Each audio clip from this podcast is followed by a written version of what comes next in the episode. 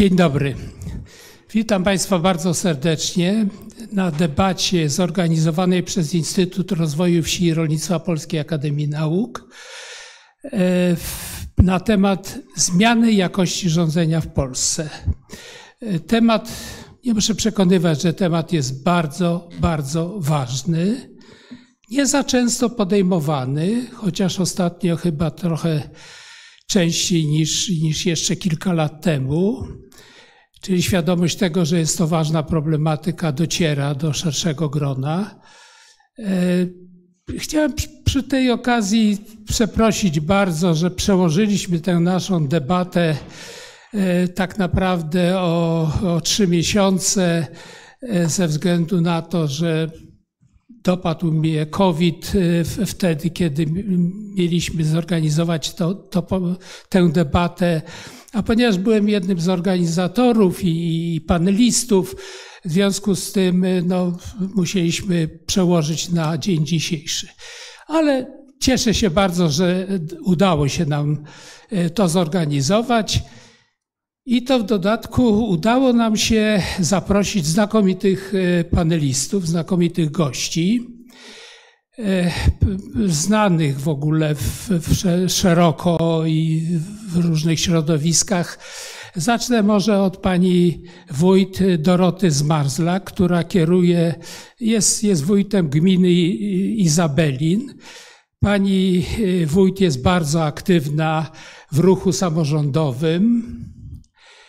E, jest że tak powiem, walczy o, o, miejsce samorządu lokalnego i roli samorządów lokalnych e, w naszej przestrzeni politycznej, gospodarczej i społecznej. Także bardzo się cieszę, że pani wójt jest z nami i to jest spojrzenie na problematykę jakości rządzenia, nazwijmy to od dołu, od tego podstawowego szczebla, jakim jest szczebel gminy.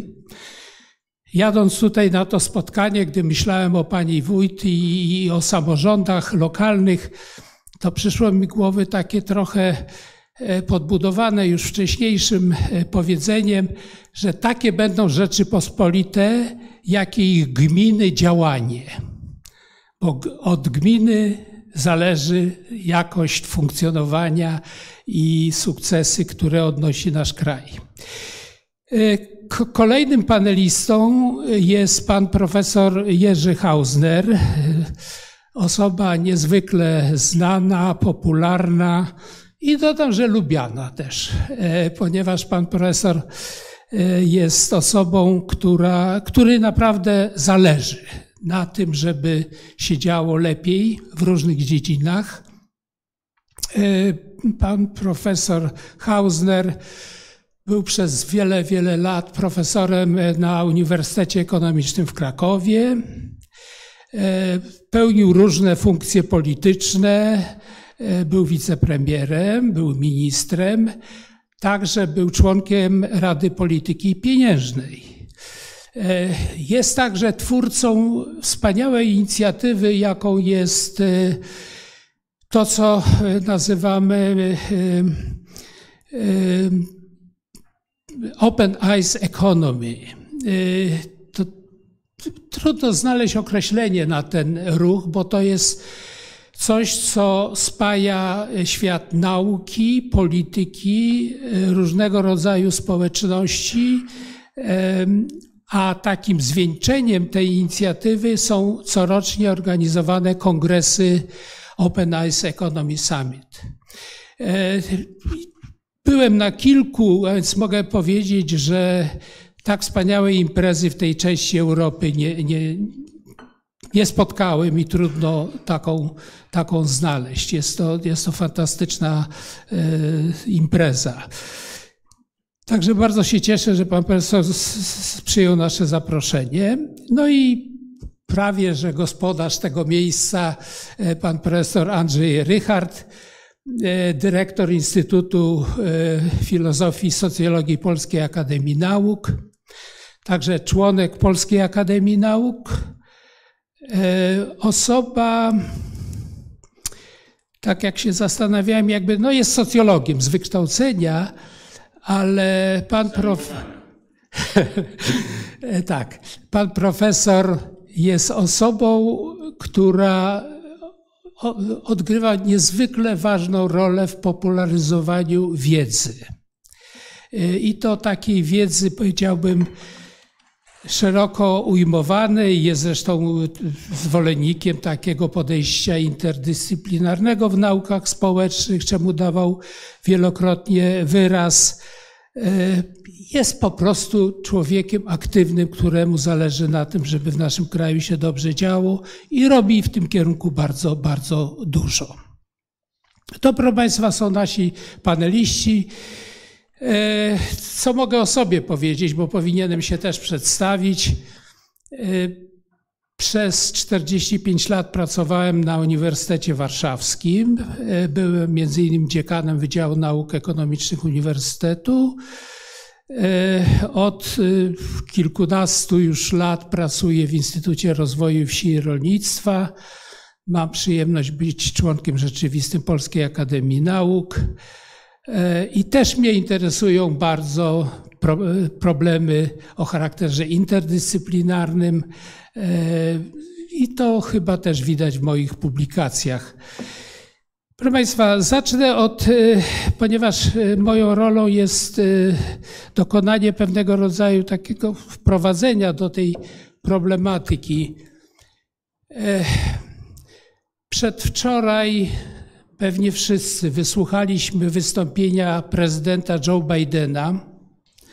Moim zdaniem znakomitego wystąpienia, ważnego, który na pewno też, które przejdzie do historii. I e, w tym przemówieniu pojawiły się wątki, które będziemy dzisiaj rozwijać. To są wątki dotyczące demokracji, właśnie dotyczące rządzenia, i paru innych tego typu spraw. E, między innymi chciałem przy, przy, przypomnieć czy przytoczyć dwa takie stwierdzenia, które są bardzo tu charakterystyczne. Mianowicie jedno, które zostało sformułowane, że to prawo daje siłę, a nie odwrotnie. Prawo daje siłę, a nie odwrotnie. To było bardzo mocno wypunktowane stwierdzenie Joe Bidena. I drugie, które się przewijało, że demokracja, porządek demokratyczny oparty jest na regułach. To można skonfrontować z takim innym podejściem, którego charakterystycznym stwierdzeniem jest znane Państwu powiedzenie, a ja bez żadnego trybu. Jeśli, proszę Państwa, nie ma trybu, nie ma zasad, nie ma reguł, to wtedy wszystko wolno i wtedy się robi niebezpiecznie. E, także y, to, żeby było lepiej, bezpieczniej, musi być zapewnione między innymi przez jakość rządzenia. I tutaj chciałem przejść do kilku slajdów, które y, przygotowałem. Y,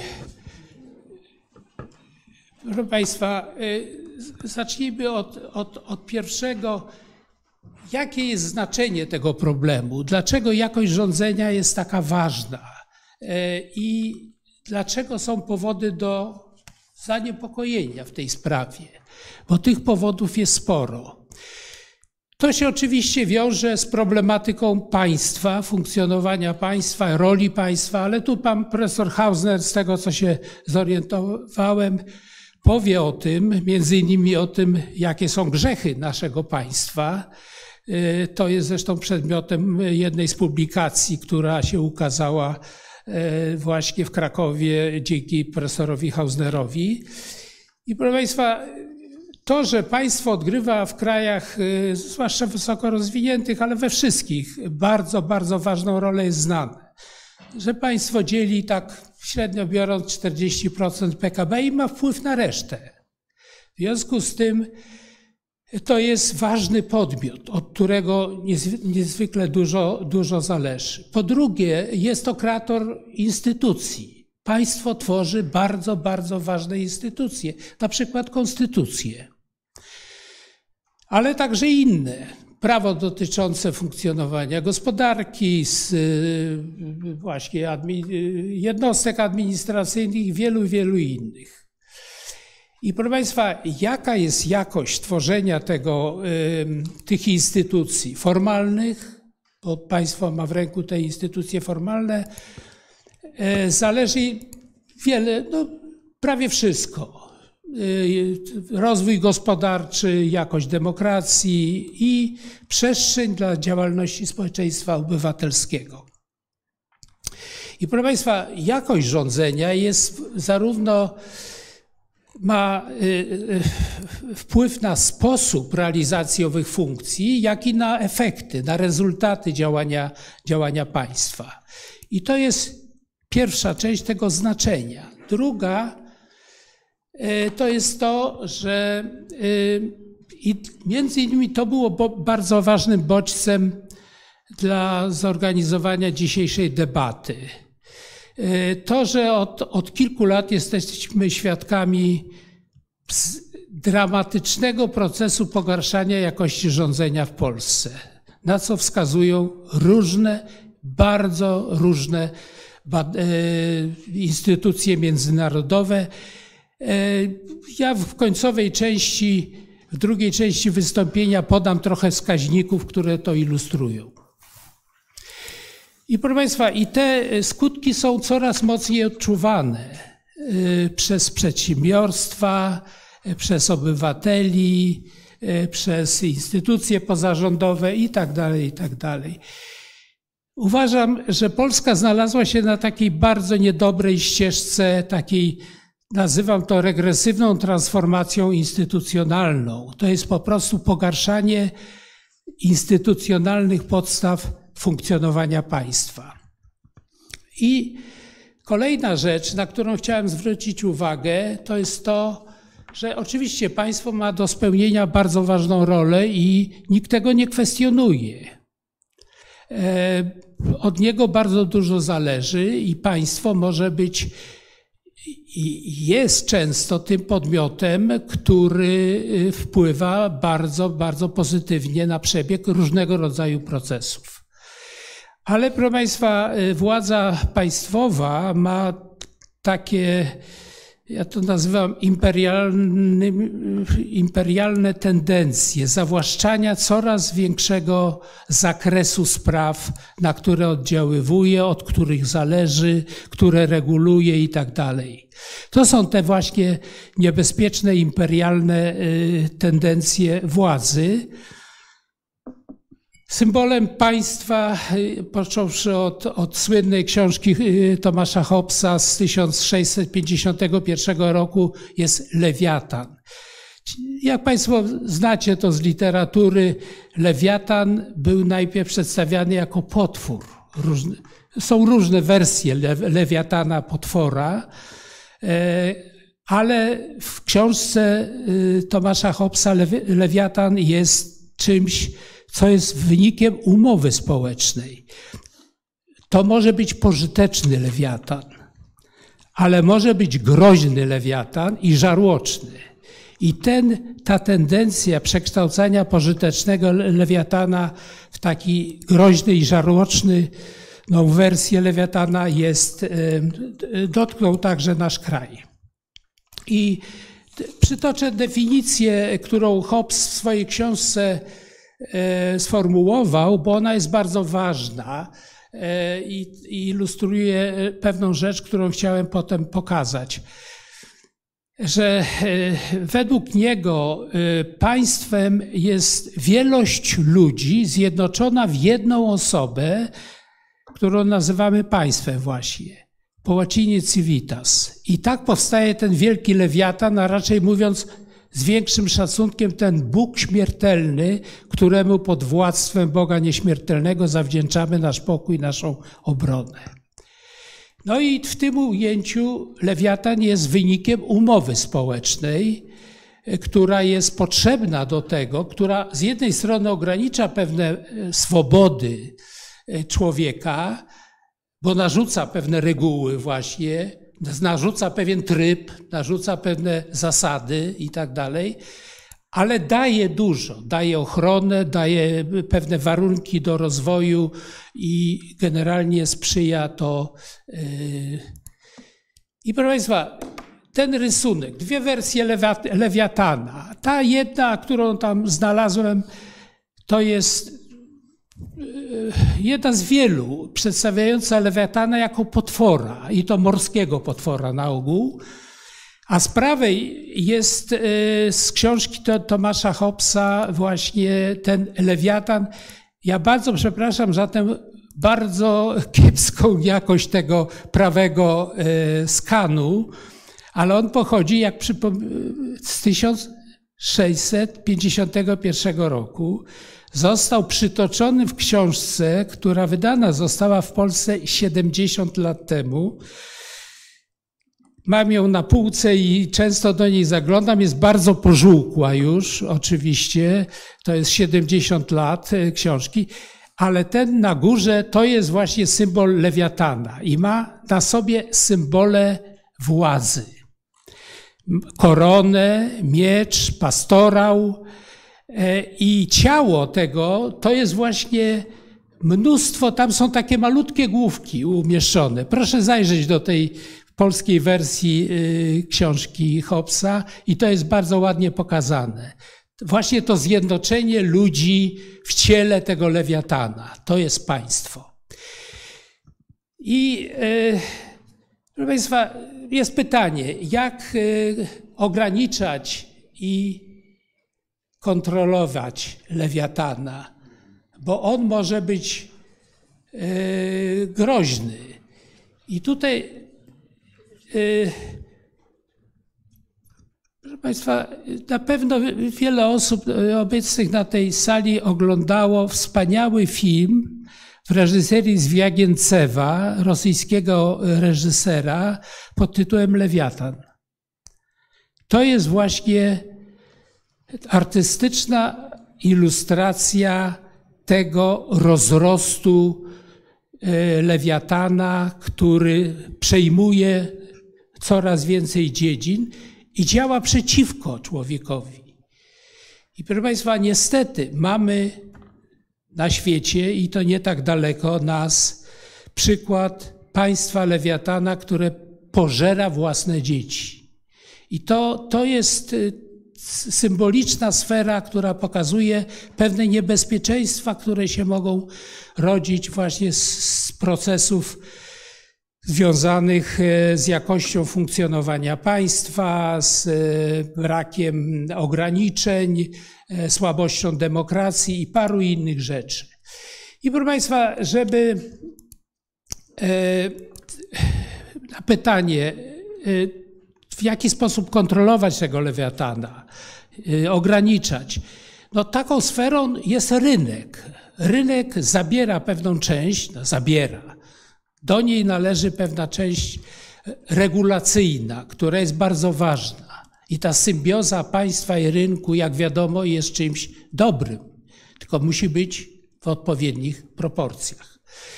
Kolejna rzecz to jest właśnie y, działanie y, społeczeństwa obywatelskiego, które ogranicza to. Ja na końcu po, po tej części pierwszej, później przytoczę pewne dane międzynarodowe, które pokazują na pogorszenie się wskaźników jakości rządzenia we wszystkich wymienionych kryteriach, poza jednym społeczeństwa obywatelskiego. Freedom House pokazując te, te, negatywne tendencje i te dramatycznie pogarszające się wskaźniki jakości rządzenia w Polsce, mówi, ale w jednej sferze nie mamy tego pogorszenia, to, jest, to są instytucje społeczeństwa obywatelskiego, które się bronią przed tym i są skuteczne. I są skuteczne po prostu. No i dlatego to, to co my nazywamy good governance, e, dobre, dobre rządzenie, jest tak niezwykle ważne. Bo proszę Państwa, jakość, my w tytule mamy jakość rządzenia, ale jakość, jak wiadomo, jest stopniowalna. Tak tutaj pisząc o tym, yy, przypomniałem sobie, że z jakością rządzenia, no jakość może być lepsza, średnia, gorsza, dobra i tak dalej. Z jakością rządzenia nie jest tak jak z jakością jesiotra, który albo jest świeży, albo jest nieświeży. Tutaj są pewne stopnie tego, tej jakości. I to, o czym, o czym y, w literaturze się pisze bardzo szeroko i najczęściej, to jest dobre rządzenie. To jest pewien wzór. I teraz z tym wzorem powinniśmy. E, ten. I proszę Państwa, zanim e, oddam już głos kolejnej, kolejnej osobie, tylko jedno sformułowanie, mm, znaczy e, pytanie, czym są te zasady dobrego rządzenia, bo to jest coś, co, o czym powinniśmy pamiętać. Co mówią nauki społeczne o tym? Że jest to fundamentalny problem instytucjonalny mający wielkie znaczenie dla funkcjonowania właśnie demokracji, państwa, gospodarki, społeczeństwa obywatelskiego. Po drugie, zasady dobrego rządzenia mogą i powinny być wdrażane zarówno na szczeblu podmiotów mikroekonomicznych, na przykład gminy, społeczności lokalnych, jak i na szczeblu państwa, Unii Europejskiej, a niektóre w skali globalnej. I trzecia rzecz, dobrego rządzenia nie osiągnie się bez powszechnego włączenia obywateli w ten proces. I tutaj pozwolę sobie przerwać, bo mam jeszcze kilka, jak powiedziałem, także pokazujące wskaźniki y, jak, y, zmian jakości rządzenia w Polsce, ale to rezerwuję sobie na drugą część mojego wystąpienia. Teraz poproszę panią wójt Dorotę Zmarzlak o przedstawienie jej głosu w tej ważnej debacie. Proszę bardzo. Dziękuję bardzo. Drodzy Państwo, my tutaj organizatorzy postawili nam takie trzy pytania przed, przed debatą. Jednym z tych pytań jest e, taka ocena jakości rządzenia w Polsce przez ostatnie sześć lat, to co się dzieje u nas w kraju. I nie ukrywam, że o tym Chciałabym chyba mówić najmniej, bo to jest trochę tak, jak e, pan profesor powiedział, trzeba mówić o tych dobrych rzeczach, a nie o tych złych. Niemniej e, krótkie słowo komentarza. Obiecuję, że rzeczywiście z mojej strony będzie oddolnie i praktycznie, tak jak mnie pan profesor zapowiedział i bardzo dziękuję za to zaproszenie. Mm, te ostatnie e, sześć lat, no to jest Trochę to, co wszyscy wiemy, czyli postępująca e, centralizacja, e, polityczny klientyzm, to już takie spojrzenie bardzo samorządowe, zastraszanie i wieczny podział na swoich e, i obcych. To jest takie nieprzestrzeganie jakichkolwiek zasad. To wspomniane, a ja bez żadnego trybu, tudzież mamy inne w Polsce powiedzenie, na to nie mam pana płaszcza i co mi pan zrobi. To mniej więcej tak wygląda w tej chwili procedowanie naszego ustawodawstwa w Sejmie. I to jest tak, że ja e, trochę rozumiem, chociaż jestem wójtem e, dopiero trzy i pół roku od 2018, że e, jest takie powiedzenie, każda władza korumpuje, że gdzieś ta władza człowiekowi uderza do głowy i gdzieś go zmienia. E, I też rozumiem, że do pewnego stopnia, nie wiem, każdy rząd czy każda władza ma swoje tak zwane ośmiorniczki, też już ikoniczne w Polsce, ale powiem szczerze, że to, e, co się dzieje w ostatnich latach, nawet w ostatnich trzech latach, bo o tych mi jest mówić naj, najłatwiej, taki poziom e, to, takiego totalnego moralnego upadku po prostu, a z drugiej strony ogromnej nieudolności w rządzeniu, po prostu w posługiwaniu się wiedzą, praktyką, ekspertami, po prostu w stosowaniu nauki w rządzeniu jest e, zupełnie porażający. I przecież ja jako e, administracja samorządowa, e, administracja publiczna, ja bardzo się czuję częścią, jakby częścią tego kraju, częścią zarządzania krajem, bo bardzo często się mówi Polska, Polska samorządowa, Polska, rząd i tak dalej. No nie ma innej Polski niż Polska samorządowa. Jakby cała Polska składa się z samorządów, każdy ma swojego burmistrza, wójta, prezydenta. Tak? To nie są dwie inne Polski. Jest tylko Polska samorządowa i jakby do mnie, na moją skalę mojej małej gminy, też należy część tego zarządzania e, krajem. I to, na co ja patrzę przez ostatnie trzy lata, to właśnie ta no takie wielkie marnotrawienie, wielka, e, wielka nieudolność.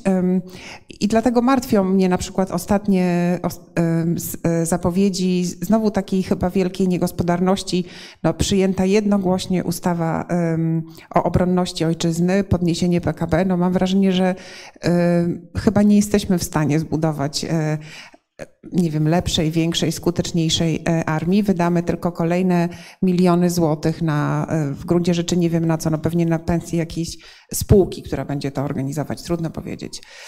Ale pomijając um, tak naprawdę ignorowane i niszczone zasady demokratycznego państwa prawa, to obecna władza w Polsce jest z mojego punktu widzenia oderwana w ogóle od jakiejkolwiek bazy moralnej, jeśli mogę to tak określić, bo wiele rzeczy można relatywizować, nad wieloma światopoglądami można e, dyskutować, e, ale jest e, część takich spraw, które są bezdyskusyjne.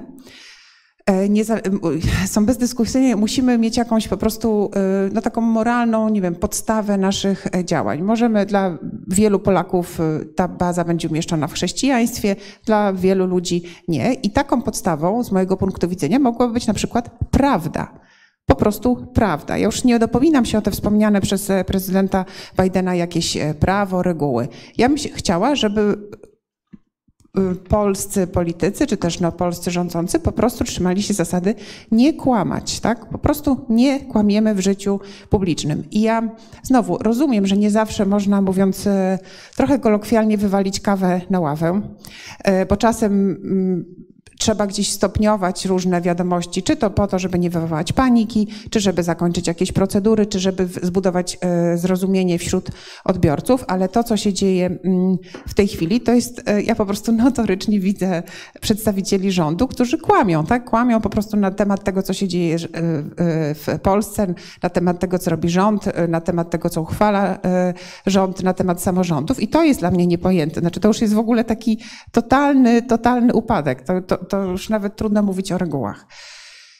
Ale zostawiając to, co dla mnie osobiście na tym gminnym e, najniższym poziomie jest taką e, bazą dobrego e, rządzenia. To jest dialog, dyskusja, budowanie zrozumienia tego, jak działa gmina, czego podstawą jest jawność i też już tutaj wspomniana partycypacja. E, ja głęboko wierzę, że najlepszy e, sposób działania to jest przykład. E, ty, możemy działać tylko przykładem, zarówno swoim osobistym, jak i swojej gminy. Nie mogę wymagać od no w moim przypadku rządu, jawności i publicznej debaty, jeśli sama tego u siebie w gminie nie praktykuję. Nie mogę domagać się ujawniania dokumentów, jeśli sama nie mam rejestru umów u siebie na BIP-ie. E, dla mnie takim słowem kluczem jest trochę integralność, tak? Czy, czyny, nie słowa, walk the talk. No jakby muszę e, po prostu sama świadczyć o tym, co jest, e, co jest słuszne. I teraz tak, czy zachowanie tej domaganej się przez nas jawności czy transparentności działań jest trudne? Jest trudne. Dlatego, że w ogóle rządzenie, czy to gminą, o kraju to nawet nie wspominam, jest po prostu trudne. Prawo w Polsce jest e, naprawdę niezwykle skomplikowanym, często w ogóle wykluczającym się e, bałaganem.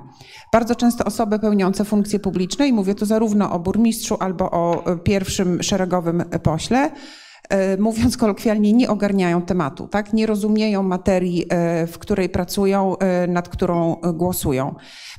Więc tym samym zrozumienie wielu z tych zawiłości przez przeciętnego wyborcę jest po prostu bez szans. Tak? Przeciętny człowiek na ulicy nie ma nie ma takich możliwości, nie ma takich zasobów. A my, udostępniając różnego rodzaju dokumenty, procedury, ceny, przetargi, wystawiamy się na to niezrozumienie i na krytykę. Ustawa o zamówieniach publicznych, skądinąd fatalna, jest e, kompletnie nierozumiana przez e, naszych mieszkańców e, i zawsze szwagier zrobił taniej, tylko ja szwagra nie zapytałam, tak? I zrobiłam przetarg, w przetargu wyszło drożej. No jakby ona jest nie do, nie, naprawdę jest nie do wytłumaczenia ale musimy to pokazywać, tak? Musimy to cały czas e, pokazywać i po prostu um, jakby przyjmować tę krytykę, przyjmować niezrozumienie, tłumaczyć, y, tłumaczyć i jeszcze raz y, tłumaczyć. W tym wszystkim w moim osobistym mniemaniu bardzo nam szkodzi polska historia. Ja to nazywam taką mentalnością pana, wójta i plebana, bo to jest taka trójka, która się nie może mylić. To jest taka trójka, z którą się nie dyskutuje, oni mają rację I tym samym, jeśli ja się nie mam prawa mylić, no to też trudno jest ze mną wypracowywać jakieś e, e, rozwiązania najlepsze dla mojej gminy. I jeszcze jedna rzecz związana z tą jawnością, że zachowanie jawności wymaga naprawdę mnóstwo pracy i pieniędzy. To jest jakiś, jakiś fragment naszych gminnych zasobów, który musimy przeznaczyć tak naprawdę nie na e, pracę, nie na, nie wiem co, budowanie dróg czy chodników, ale właśnie na udostępnianie dokumentów, bo to jest anonimizacja umów, aktualizacja rejestrów, to są wszystko godziny e, pracy urzędników. Tak samo przygotowywanie dodatkowych dokumentów, na przykład sprawozdania z pracy Urzędu Gminy czy Miasta. Pewnie Państwo wiecie, że jest taki obowiązek, że na każdej sesji powinniśmy takie sprawozdanie przedstawić. To sprawozdanie można przedstawić na połowie strony, a można je przedstawić, nie wiem, na dziesięciu stronach, albo na slajdach, albo no można to odwalić, a można to spróbować zrobić w taki sposób, żeby mieszkańcy to zrozumieli. No to jest jakaś decyzja e, władzy wykonawczej, ale znowu powiązana z e, pracą. Czy przygotowanie raportu o stanie gminy, też dość nowe narzędzie od trzech lat, yy, działające, nie idealne, natomiast ja osobiście jestem jego fanką, chociaż wiem, że nie wszyscy je lubią, ale jest to jakieś kolejne wymuszenie e, na samorządach dostarczenia informacji do mieszkańców, przy czym no, są raporty, które mają na przykład 200 stron, bo i takie widziałam, absolutnie nie do przejścia dla nikogo, nawet dla radnych i myślę, że sam wójt burmistrz ich nie czytał, no a można spróbować włożyć w to więcej pracy i podać mieszkańcom w sposób e, zrozumiały. E, drugi aspekt e, tego e, dobrego rządzenia to jest dialog. Dla mnie absolutna podstawa wszystkiego, jeszcze chyba trudniejsze do wprowadzenia niż jawność. Mamy tutaj oczywiście te takie wymuszone ustawą konsultacje społeczne i dobrze, że znowu, to znowu nie jest idealny mechanizm, ale dobrze, że jest. Ale to, o czym ja mówię, to jest taka autentyczna rozmowa z mieszkańcami danego terenu lub ich przedstawicielami. E, stworzenie przestrzeni na niebycie najmądrzejszym, tak? Niebycie tym, e, tą najmądrzejszą władzą wykonawczą, stworzenie takiej przestrzeni przede wszystkim w sobie na wysłuchanie, e, na wysłuchanie mieszkańców. Bardzo trudno jest się dzielić władzą. Żeby jakość rządzenia była zachowana, tym rządzeniem trzeba się podzielić. Trzeba włączać w to ludzi i ja nie mam takiego poczucia, że wszyscy, również moi koledzy z samorządu i koleżanki, y, jakby lubią się tą władzą dzielić. Często mam takie poczucie, że raczej y, y, to jest takie podejście, że samorządność kończy się na mnie czego przykładem na przykład była wnioskowana przez samorządy w COVID-zie e, wnioskowane e, przywrócenie terminu na likwidację budżetów sołeckich, bo żeby zlikwidować budżet sołecki, tam chyba do 15 marca Rada Gminy musi podjąć taką uchwałę, COVID tam chyba wszedł 10, e, no i wszyscy potem już po czasie chcieli je zlikwidować. No jakby dla mnie absolutnie oburzające zupełnie działanie. Coś się dzieje, to jakby zabieramy mieszkańcom te środki. Mm, więc samorządność nie kończy się na e, wójcie, burmistrzu, prezydencie. E, potem mamy jeszcze e, jednostki pomocnicze, mamy sołectwa, sołtysów, rady sołeckie, oczywiście organizacje pozarządowe i wreszcie pojedynczy aktywiści, bo tak naprawdę to od nich się często różne rzeczy zaczynają. Mnie bardzo często się e, cały czas zarzuca, że za dużo konsultuję, zarówno e, moi współpracownicy, radni, inni samorządowcy. Rzeczywiście dużo e, konsultujemy, dużo robimy takich prekonsultacji. Mm, każdy projekt ulicy jest konsultowany i to jest tak, że na początku ludzie z, ode mnie z urzędu, nawet z Wydziału Rozwoju trochę no tak trochę byli niezadowoleni, że ta wójt wydziwia w ogóle o co chodzi z każdym projektem. Idziemy na ulicę, rozstawiamy namiot, pokazujemy ten projekt, ale już się um, nauczyli, że nikt nie zna danego terenu bardziej, lepiej niż ludzie, którzy tam e, mieszkają i nikt, po prostu żaden projektant, a projektantów mamy ogólnie, szczerze mówiąc, słabych, bardzo często projektują teren w ogóle tam nie będąc. E, jakby nikt tych uwag lepiej e, nie wniesie niż mieszkańcy tam, mm, którzy tam są e, i już się mój, mój urząd się już nauczył, że to, że to ma sens. Ale to wypracowywanie rozwiązań, czy to przy drogach, czy przy czymkolwiek innym, bo możemy sobie to wziąć przecież na poziom kraju, y, y, na transformację energetyczną, jest bardzo trudnym procesem. Jest trudnym z dwóch powodów. Po pierwsze, ja jako wójt, burmistrz, prezydent, premier, nie wiem, ktokolwiek, muszę przyjąć to, że przyjdzie ktoś i powie mi, że wie lepiej, w pewnym sensie, że ma jakieś pomysły i muszę to w sobie zaakceptować, albo ktoś przyjdzie w ogóle zaprotestować przeciwko decyzjom, które zostały podjęte. Y, I to stworzenie w sobie tej przestrzeni nie jest proste. To jest taka naprawdę codzienna praca nad sobą. Ale też e, to jest trudne dlatego, że ten wspomniany przeze mnie ta, ta, taka struktura, to podejście pana wójta i plebana powoduje, że część mieszkańców w ogóle tej dyskusji nie oczekuje. Oni nie chcą, żeby z nimi e, dyskutować. Oni całą jakby władzę i mądrość przekazują w nasze ręce, e, i jakby, i, ale tym samym nie ma opcji, żebyśmy byli, żebyśmy mogli popełnić jakiś błąd. No bo skoro jesteśmy już na tym urzędzie, wszystko wiemy, mamy podejmować decyzje. Jest taka grupa ludzi, która oczekuje gotowych rozwiązań, nie rozumie koncepcji konsultacji, rozmowy, wspólnego wypracowywania optymalnych ścieżek, optymalnych, bo idealnych to ich nigdy nie ma. I, i to niezrozumienie procesu konsultacji prowadzi też do wielu problemów, bo urząd, nie wiem, zmienia zdanie, oszukuje, nie rozumie, jakby sam nie wie, czego chce, tak? A my po prostu chcemy wypracować e, najlepsze rozwiązanie. Spoglądam tutaj na czas i już się postaram kończyć. Więc ta e, i kolejnym tematem to jest właśnie e, partycypacja, jakby w ogóle wciąganie ludzi do tego, żeby, mm, żeby z nami pracowali, żeby brali udział. Kolejny duży temat, gdzie trzeba w pewnym sensie znowu odłożyć trochę to, czego mieszkańcy chcą najbardziej, czyli to y, przysłowiowe łatanie dziur i zająć się zupełnie inną taką y, społeczną pracą, bo na przykład wybory sołeckie można zrobić tak, jak to się dzieje w większości Polski, czyli można na zebraniu wiejskim, gdzie przychodzi ta sama stała grupa, tam w zależności od wielkości sołeca nami kilkunastu czy może kilkudziesięciu osób. Na tym zebraniu y, ktoś powie, no to niech Kazek zostanie sołtysem, bo zawsze był, Kazek pokiwa głową i zostaje tym sołtysem, a można je zrobić tak, jak zrobiliśmy u mnie w gminie, czyli zrobiliśmy wybory sołeckie na wzór wyborów e, samorządowych i parlamentarnych, gdzie kandydat na sołtysa musi się zgłosić, zebrać podpisy, pokazać mini program, i, a ludzie przychodzą i głosują normalnie w lokalach wyborczych. Dzięki temu frekwencje w wyborach sołeckich udało nam się podnieść do około 20%. 20%. E, natomiast jeśli chodzi o same te obszary wiejskie, to dla mnie tam się znajduje ogromny zapas y, takich aktywnych y, obywateli, bo właśnie na wsiach, które są y, mniejsze liczebnie, jest po prostu mniej ludzi, dużo łatwiej jest bezpośrednio dotrzeć do mieszkańców. Traci się anonimowość przede wszystkim jako władza, co uważam bardzo dobrze robi na jakość rządzenia, bo im mniej anonimowości, uważam, tym lepiej dla demokracji. Im krótszy kontakt między reprezentantem a wyborczą, tym łatwiej rozliczać i wymagać od wybranych przed siebie przedstawicieli i tym trudniej te oczekiwania również ignorować. Jeśli ja co sobota spotykam moich mieszkańców na ryneczku i to, to trudno jest mi ignorować ich prośby.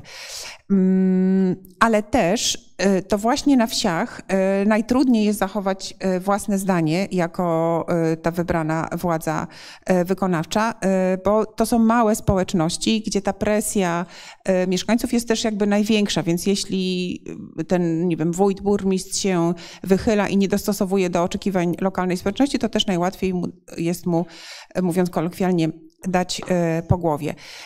Więc ten good governance to, to jest naprawdę e, pochłaniający, codzienny, długotrwały proces i przede wszystkim e, to, co bym chciała powiedzieć z punktu widzenia praktyka, to jest wieczne balansowanie pomiędzy powiedzmy takimi naszymi pracami infrastrukturalnymi, taką z punktu widzenia mieszkańca może być rzeczywistą pracą, kiedy my, e, nie wiem, układamy arkusz organizacyjny do szkoły, budujemy chodniki, pracujemy nad komunikacją, a w pewnym sensie robimy jakieś takie fanaberie w rodzaju budowania frekwencji w wyborach, e, konsultacji, partycypacji, pracy z organizacjami społecznymi.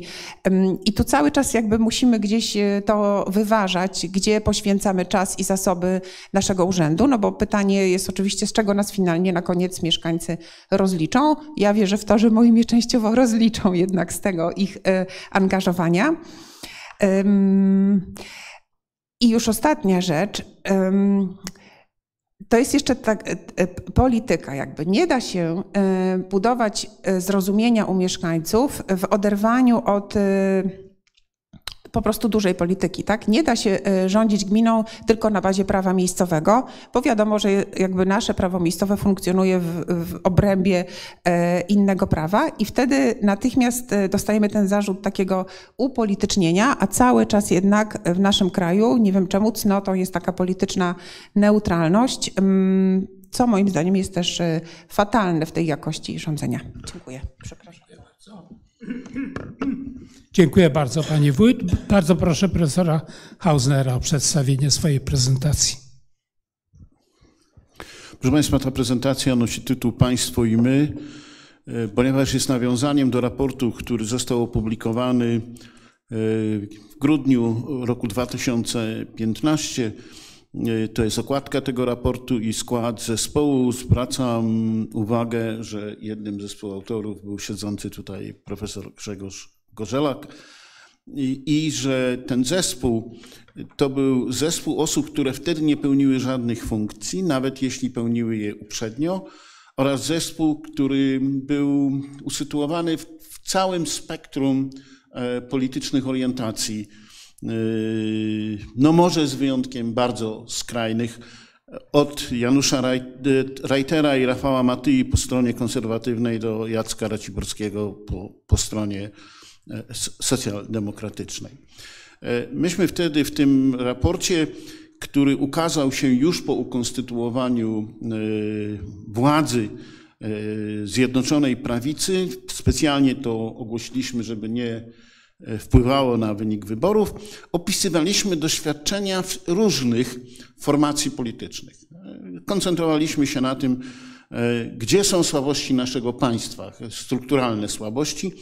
I to jest zestaw tych ośmiu grzechów, które są tam szczegółowo w tym raporcie opisane, dziękuję Pani bardzo, które są w tym raporcie szczegółowo opisane, e, począwszy od braku wyobraźni strategicznej suwerennej myśli rozwojowej, na e, systemowej niezdolności do kojarzenia bezpieczeństwa i, i rozwoju.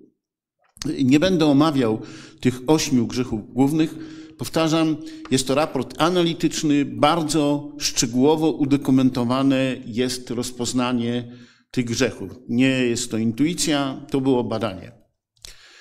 Teraz e, skąd to pięć lat później? E, mianowicie w roku 2020, a więc pięć lat później po tamtym raporcie, wtedy kiedy pojawiła się pandemia, e, ja rzuciłem takie hasło, skoro rząd zawodzi, stwórzmy samorząd ekspertów.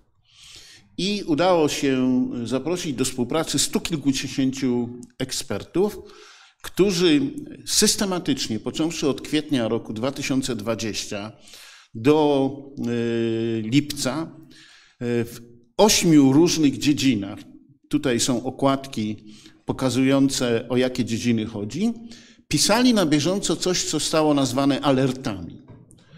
A więc na przykład y, w gospodarce tych alertów było chyba 15. My zajmowaliśmy się na tle doświadczenia pandemicznego różnymi zagadnieniami, którymi y, mamy do czynienia w gospodarce, starając się formułować rekomendacje, co należałoby robić w danej dziedzinie. A więc to była gospodarka, samorząd, społeczeństwo, kultura, edukacja, biznes E, ten był bardziej adresowany do menadżerów, a nie do polityki gospodarczej, gospodarowanie wodem i alert zdrowotny. Następnie e, podsumowaliśmy te alerty i w sumie powstało ich sto kilkadziesiąt. One się ukazywały w cyklu cotygodniowym, te najczęstsze. Zdrowotny ukazywał się rzadziej, ale chyba cztery takie poważne alerty opracowaliśmy w takich różnych segmentach zdrowia. I powstał raport Państwo i my pięć lat później i mapa konceptualna tego raportu była następująca. Mówiliśmy, że w roku 2015 stwierdziliśmy następujące osiem grzechów głównych. Pandemia stawia nasze państwo wobec testu i pozwala nam zobaczyć, jak ono praktycznie funkcjonuje w codziennym funkcjonowaniu wobec wielkiego, poważnego kryzysu, wobec zagrożenia.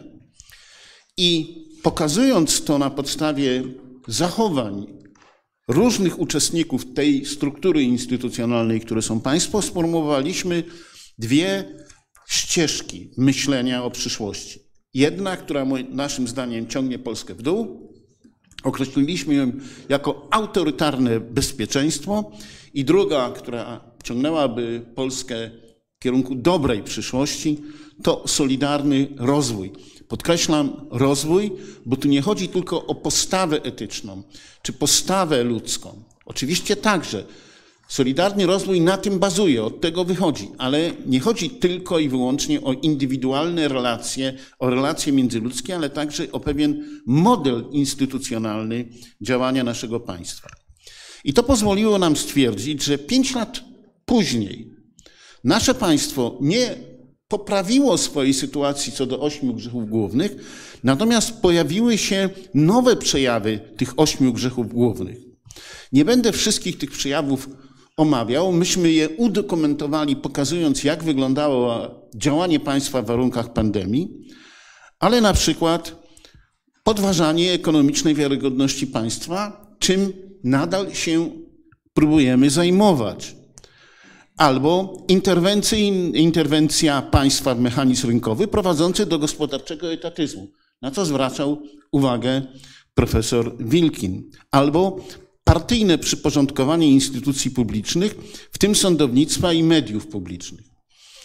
Zwracam Państwu uwagę na pewien werdykt Trybunału Sprawiedliwości Unii Europejskiej, która jest sprawą incydentalną, ale dotyczy decyzji UOKiK-u, od której odwołał się podmiot gospodarczy i Trybunał orzekł, że decyzja administracyjna UOKiK-u jest decyzją nie tylko wadliwą w tej sprawie, ale że UOKiK jest, nie jest niezależnym regulatorem. A w związku z tym jego decyzje są wadliwe, bo nie spełnia kryteriów niezależnego regulatora. Po prostu został upartyjniony. To samo dotyczy Krajowej Rady Radiofonii, Krajowej Rady Radiofonii i Telewizji. To samo dotyczy Urzędu Regulacji Energetyki. My musimy się liczyć z konsekwencjami tego rodzaju rozpoznań. Chcę więc powiedzieć, że wszystkie te nowe przejawy pogłębiają dysfunkcjonalne funkcjonowanie naszego państwa, ale jednocześnie rodzą dalsze konsekwencje, z którymi będziemy mieli do czynienia. I na drugim biegunie powiedzieliśmy, a co to znaczy solidarni w rozwoju? Na co powinno się zwrócić uwagę? I znowuż nie będę omawiał wszystkich tych propozycji, no ale między innymi podkreślaliśmy problem solidarności terytorialnej, policentryczności i demokratyczności przywództwa. E, podkreślaliśmy wagę dla naszego rozwoju kompetencji przyszłości i systemu kształtowania kompetencji przyszłości. Podkreślaliśmy to, o czym pani wójt mówi, współdziałanie, autentyczny dialog społeczny i obywatelski. Co to znaczy solidarnie w rozwoju, bo ten koncept e, e, nie przebija się wystarczająco mocno. Chcę powiedzieć, to nie jest tylko postawa etyczna, ale osadzona na niej aktywność obywatelska i polityka publiczna. Polityka respektująca autonomię, otwartość, poznanie, współdziałanie, przełamująca powszechny deficyt szacunku i zaufania. I więzi Solidarności, tak rozumiane jako więzi, które dają siłę rozwojową, bazują na zasadzie pomocniczości i priorytecie spójności społecznej. W społeczeństwie, w którym nie ma tak rozumianej solidarności rozwojowej, nie ma tak rozumianej solidarności, ścieżki rozwoju są blokowane. W takim społeczeństwie rośnie kultura zawiści i podejrzliwości. Po stronie władzy reakcją są rządy podejrzliwości i strachu. I teraz trzeba się poważnie zastanowić, w jaki sposób, jeśli chcemy szukać tej drogi do rozwoju, połączyć solidarnościowy mit, nie zatracając tego, co osiągnęliśmy siłą indywidualizmu jednostek, także siłą wolności gospodarczej. Myśląc w ten sposób o problemie jakości rządzenia, w roku 2021 Inny zespół opracował raport Pokolenia Solidarni w Rozwoju, rozwijając tę koncepcję. Główna myśl jest taka: skoro mamy do czynienia z głębokimi i nieodwracalnymi zmianami demograficznymi, i nie chcę wszystkiego sprowadzać do starzenia się społeczeństwa, te zmiany są wielowymiarowe, to problem polega na tym, czy traktujemy to jako katastrofę i nic z tym nie możemy zrobić, czy też wyciągamy z tego następujący wniosek, między innymi, skoro będziemy mieli mniejsze zasoby pracy, to pytanie, czy możemy być równie produktywni przy mniejszych zasobach pracy, to znaczy, jaki model edukacji, jaki system edukacji potrzebujemy, żeby podstawą naszej produktywności były wyższe kompetencje, a nie sam zasób pracy. I opracowaliśmy w tym raporcie strategię solidarnego rozwoju w odniesieniu do relacji międzypokoleniowych i wielopokoleniowych, bo dotyczy to także relacji wewnątrz pokolenia. I powiedzieliśmy, że to zależy na przykład od edukacji, od rynku pracy, od polityki migracyjnej. Zwracaliśmy uwagę na potrzebę otwartej polityki migracyjnej, która nie może polegać tylko, że eksploatujemy tanie zasoby pracy Ukraińców i Białorusinów. Podkreślaliśmy potrzebę polityki zdrowia, rozwoju infrastruktury społecznej służącej solidarności w rozwoju. Ale mówiliśmy o finansach publicznych i demokratycznym porządku e, akcjonormatywnym. Na koniec chcę kilka słów powiedzieć o sprawach gospodarczych, ponieważ wydaje mi się, że stajemy wobec bardzo poważnych napięć gospodarczych. E, zostawię to odniesienie teoretyczne, ale chcę powiedzieć, że akcentując problem długu publicznego, który jest nieczytelny i wciąż narasta, my nie zwracamy uwagi na to, że dzieją się podskórnie różne procesy związane z transferem długu. Ci, którzy uważają, że dług państwa jest tylko wyłącznie zapisem księgowym, który można kiedyś anulować, albo można o nim zapomnieć, nie dostrzegają tego, że w istocie rzeczy dług państwa jest długiem, który jest przenoszonym na samorządy terytorialne, a więc i na gospodarstwa domowe. Jest przenoszony na przedsiębiorstwa, a więc i na pracowników. Transfer długu jest czymś, co jest rakotwórczą tkanką naszej gospodarki. Ten transfer bowiem odbywa się w sposób nieczytelny i jego próby postaci Polskiego Ładu pokazują dramatyczną niespójność działania państwa, które ma świadomość, że ten transfer się dokonuje i uderza w najsłabszych. To jest konsekwencja inflacji, która jest następstwem długu. Dlaczego w związku z tym trzeba mówić o tym, od czego zaczął profesor Wilkin? Od tego, że podstawą są reguły. Jeśli więc ktoś dzisiaj bagatelizuje reguły fiskalne, wszystko jedno, czy regułę konstytucyjną, czy reguły związane ustawowe, i domaga się ich zniesienia, bo mamy taką, a nie inną sytuację gospodarczą, to chcę wyraźnie powiedzieć, reguły fiskalne mogą być mało skuteczne, ale jeśli odrzucamy je w ogóle, to taka argumentacja w konsekwencji prowadzi do osłabienia całego porządku normatywnego i wszelkich wpisanych w porządek normatywny reguł. To nie jest tylko to, że wtedy można wszystko. To znaczy, że jeśli można wszystko, to nic nie jest trwałe. Wszystko jest uznaniowe. Wszystko może zostać zburzone. Wszystko może zostać podważone. Nie ma porządku konstytucyjnego i to jest nasz problem.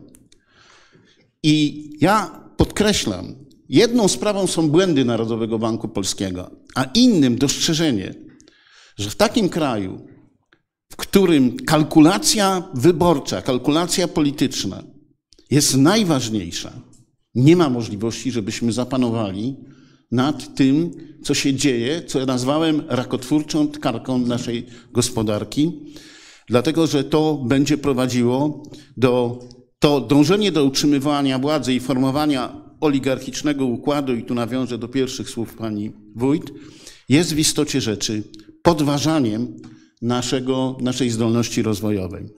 I ostatnie zdanie. To napisaliśmy w roku 2015. Wtedy, kiedy Zjednoczona Prawica obejmowała rządy. Państwo autorytarnej mobilizacji w krótkiej perspektywie zyskuje na operacyjnej sprawności kosztem jednak radykalnego ograniczania potencjału rozwojowego i stworzenia podstaw do głębokich społecznych podziałów i ostrych konfliktów. I z tym mamy do czynienia. Profesor Wilkin nazwał to instytucjonalną, regresywną transformacją, a ja mówię więcej, to nie jest tylko w tej tkance instytucjonalnej. To jest także w tej tkance funkcjonowania codziennego gospodarki, edukacji i naszego życia społecznego. Y, przygotowujemy kolejne y, nasze publikacje odnoszące się do tej problematyki. Zapraszam Państwa na Open Eyes Economy Summit siódmą naszą edycję, a to, na czym się w tej chwili koncentrujemy, to jest raport na temat e, wiarygodności ekonomicznej Polski, który niektóre elementy pokazałem na końcu. Dziękuję za uwagę. Dziękuję bardzo panu profesorowi. Zanim oddam e, panu profesorowi Richardowi, e, ponieważ mamy grupę dość liczną uczestników internetowych, to mam prośbę, bo będzie możliwość zadawania pytań do panelistów, e, żeby przesyłać te pytania. My sobie tutaj ułożymy je i, i będziemy starali się na nie odpowiedzieć. Także e, ba, bardzo zachęcam i proszę. Panie profesorze, tam jest mikrofon. Zapraszam do dyskusji. Dziękuję bardzo. Jeszcze raz bardzo chciałem podziękować za zaproszenie i bardzo doceniam to, że Jerzy Wilkin zwrócił uwagę na to, że jakoś w swoich badaniach i analizach staram się być interdyscyplinarny, ale przede wszystkim jestem instytucjonalistą, jeśli tak można powiedzieć, bo badam instytucje i wierzę w instytucje. Tym niemniej chciałem być dzisiaj także, no, jeśli tak można powiedzieć, realistą jako socjolog i, i trochę zabrzmieć mniej optymistycznie niż e, moi moi przedmówcy i raczej będę mówił o granicach możliwości zbudowania dobrego ładu instytucjonalnego niż o jego, niż o jego szansach. Ta interdyscyplinarność, od której zacząłem, jest tutaj szczególnie ważna, ponieważ zarówno Jerzy Wilkin, jak i, jak i drugi Jerzy, Jerzy Hausner, są jednymi no, ze stosunkowo nielicznych w gronie ekonomistów, tych ekonomistów, którzy no, właściwie od lat zajmują się instytucjami i, e, i rządzeniem. W socjologii też nie ma nas, tak powiedziałbym, tłumu wielkiego. Ponosimy straty. Niedawno odszedł wybitny socjolog, instytucjonalista Piotr Chmielewski, wybitny erudyta e, z Instytutu, z Wydziału Socjologii Uniwersytetu Warszawskiego.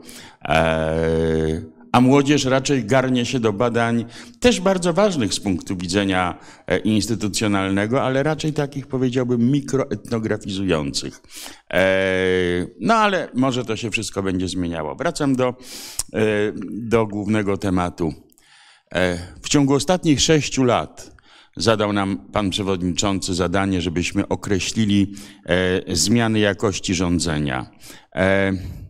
No cóż, ja bym chciał spojrzeć zarówno w jednym zdaniu na temat na to, co było przed tymi ostatnimi sześcioma latami, jak i też zwrócić uwagę na to, że tych ostatnich sześć lat, a właściwie już siedem e, od 2015 e, roku, no to, to one same w sobie przynoszą absolutnie nowe e, wyzwania i także zagrożenia dla stabilności instytucji i dla ich zasadniczej funkcji, jaką jest określanie reguł i czynienie ładu społecznego jakoś przewidywalnego, jakoś przewidywalnym właśnie w oparciu o te reguły. Doświadczenie COVID-u oraz doświadczenie wojny to są dwa wojny, czyli krótko mówiąc, agresji rosyjskiej na Ukrainę. E, sam użyłem tego terminu wojna, którego nienawidzę, ponieważ on moim zdaniem zamazuje istotę sprawy i od niego jest już tylko krok od e, operacji militarnej. E, no więc ta agresja e, i COVID, który cały czas jest przecież wokół nas, stanowią wyzwanie dla systemu instytucji, wyzwanie, które można najkrócej określić w taki oto sposób. No dobrze, ale być może powinniśmy pewne reguły, stałość, stabilność zawiesić na kołku, bo sytuacja nadzwyczajna wymaga nadzwyczajnych środków, tych, o których wspomniał Jerzy Hausner, że no mogą być jakoś efektywne w krótkim okresie czasu, a nawet i to bywa mitem, że autokratyczne rozwiązania bywają efektywne w krótkim okresie czasu, bo one nawet i w krótkim okresie czasu mogą przynosić więcej kosztów niż benefitów, ale krótko mówiąc, pokusy odchodzenia od ładu instytucjonalnego opartego o wartości demokratyczno-liberalne, mówiąc najogólniej, w sytuacjach nadzwyczajnych, takich właśnie jak pandemia i takich jak e, zagrożenia egzystencjalne e, czające się u naszych granic, takie pokusy mogą istnieć. I musimy, musimy e, umieć sobie no, co najmniej je uświadomić, bo jeśli tego nie uczynimy, to wtedy sobie z nimi nie będziemy mogli e, poradzić. Reguły powinny być podstawą. To brzmiało w wypowiedziach moich przedmówców. No dobrze, ale jaką podstawą są reguły w sytuacji zmiany reguł? A my dokładnie jesteśmy w takim okresie. E, już w czasach, kiedy zaczynała się transformacja, John Elster, e, Klaus Offe i Ulrich Preuss napisali książkę już będącą w zasadzie taką klasyką e, Institutional Design in Post-Communist Societies i podtytuł był Rebuilding the Ship at the Sea.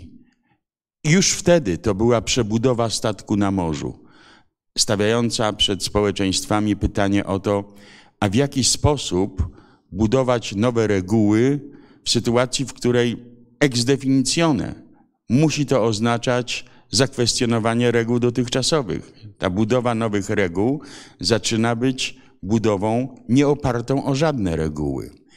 To nie jest tak, nawiązując do klasycznego e, rozróżnienia Douglasa Northa, że instytucje to są te reguły gry, a organizacje to są gracze.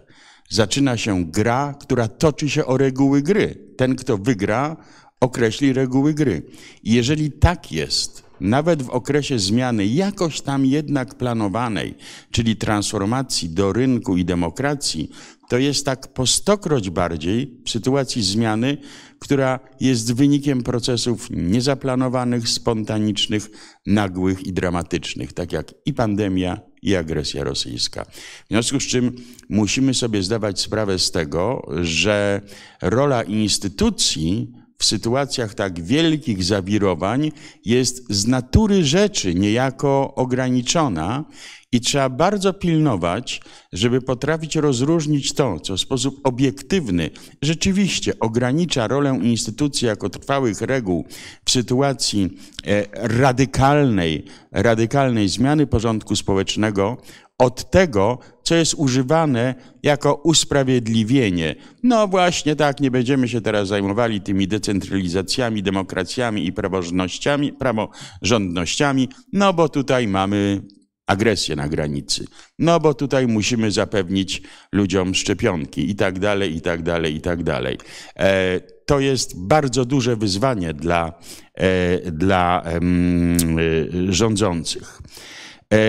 Proszę Państwa, jeśli chodzi o to, co się wydarzyło w ciągu tych ostatnich sześciu czy też siedmiu lat, to dla mnie w oczywisty sposób no, też tutaj powiem właściwie to, co już mówiono, pogorszyła, pogorszyła się jakość instytucji, ale aby do tego doszło, i aby do tego mogło dojść, to przede wszystkim najpierw e, doprowadzono do zmniejszenia znaczenia instytucji.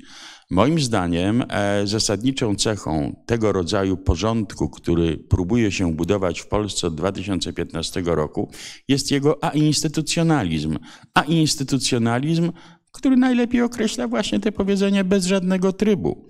E, decyduje wola polityczna i ona jest ponad instytucjami. Ona jest ponad regułami. Jest to porządek siły, a nie siła jakiegokolwiek porządku. E, I w takiej sytuacji Polityka personalna wysuwa się na plan pierwszy, ważniejsza niż polityka instytucjonalna w jakimś, w jakimś stopniu, i to jest dramatycznie nieskuteczne, także z punktu widzenia tych celów, jakie sobie zakładają e, autorzy takiego e, mm, zdezawuowania roli instytucji. Oni dezawuują te instytucje, ponieważ widzą w nich ograniczenia. I słusznie, bo instytucje są ograniczeniem poprzez to, że wbudowują właśnie trwałe reguły, normy i procedury. Są pewnego rodzaju ograniczeniem, ale to jest takie ograniczenie, które pozwala nam żyć i funkcjonować. A ci, którzy są przeciwni temu, uważają, że usuwając to ograniczenie będą skuteczni bądź bardziej skuteczni. No nic bardziej mylnego, o czym socjologowie znający już klasyczne prace Roberta Mertona na temat błędnych kół biurokracji wiedzą doskonale. Im bardziej chcesz centralizować, im bardziej chcesz ogarnąć, tym bardziej wypuszczasz z rąk. E, że nadmierne autokratyczno-centralistyczne metody e, kierowania generują chaos, ponieważ Taka jest natura złożonych, kompleksowych systemów instytucjonalnych już od wielu, wielu lat i także w poprzednim wieku. To nie jest wynalazek ostatniego wieku, to się może wyłącznie wzmocniło w ostatnim wieku. E, a ci, którzy próbują e, absolutnie zniszczyć rolę instytucji, autokraci rozmaitego autoramentu władzy, e, po prostu tego nie wiedzą. Uważam, że jednym z istotnych elementów tego ainstytucjonalizmu jest nie tylko chęć zrobienia czegoś często wbrew prawu, ale przede wszystkim deficyt wiedzy na temat tego, jak funkcjonują złożone systemy instytucjonalne. Ta wiedza jest albo niepobierana, a jeśli nawet jest pobierana, to jest wypierana. E, I to widzę jako, jako jedno z, e, z głównych zagrożeń. E, chcę powiedzieć, że to jest także widoczne na przykład w przypadku jakości rządzenia analizowanego właśnie, analizowanej właśnie w odniesieniu do Polski w ciągu ostatnich kilku lat. U podłoża konfliktów rządzących z Unią Europejską leży także kompletne niezrozumienie roli instytucji. Unia Europejska to jest ciało, czy też instytucja, która opiera się na regułach, która opiera się na e, pewnych uzgodnieniach dotyczących norm i wartości. I tak było od samego początku to nie była tylko wspólnota węgla i stali w 1952 roku założona, ale u jej podstaw leżały wartości. Te wartości są kompletnie niedostrzegane. E, no to jest trochę tak, przepraszam za, za nieeleganckość tego porównania, jakby e, ktoś, prawda, zepsuł powietrze w salonie, i potem by miał pretensje, no jak to zaraz, ale w żadnych dokumentach nie jest napisane, że tutaj mamy nie psuć powietrza w salonie. Dokumenty dotyczą zupełnie innych rzeczy, jakichś podstawowych.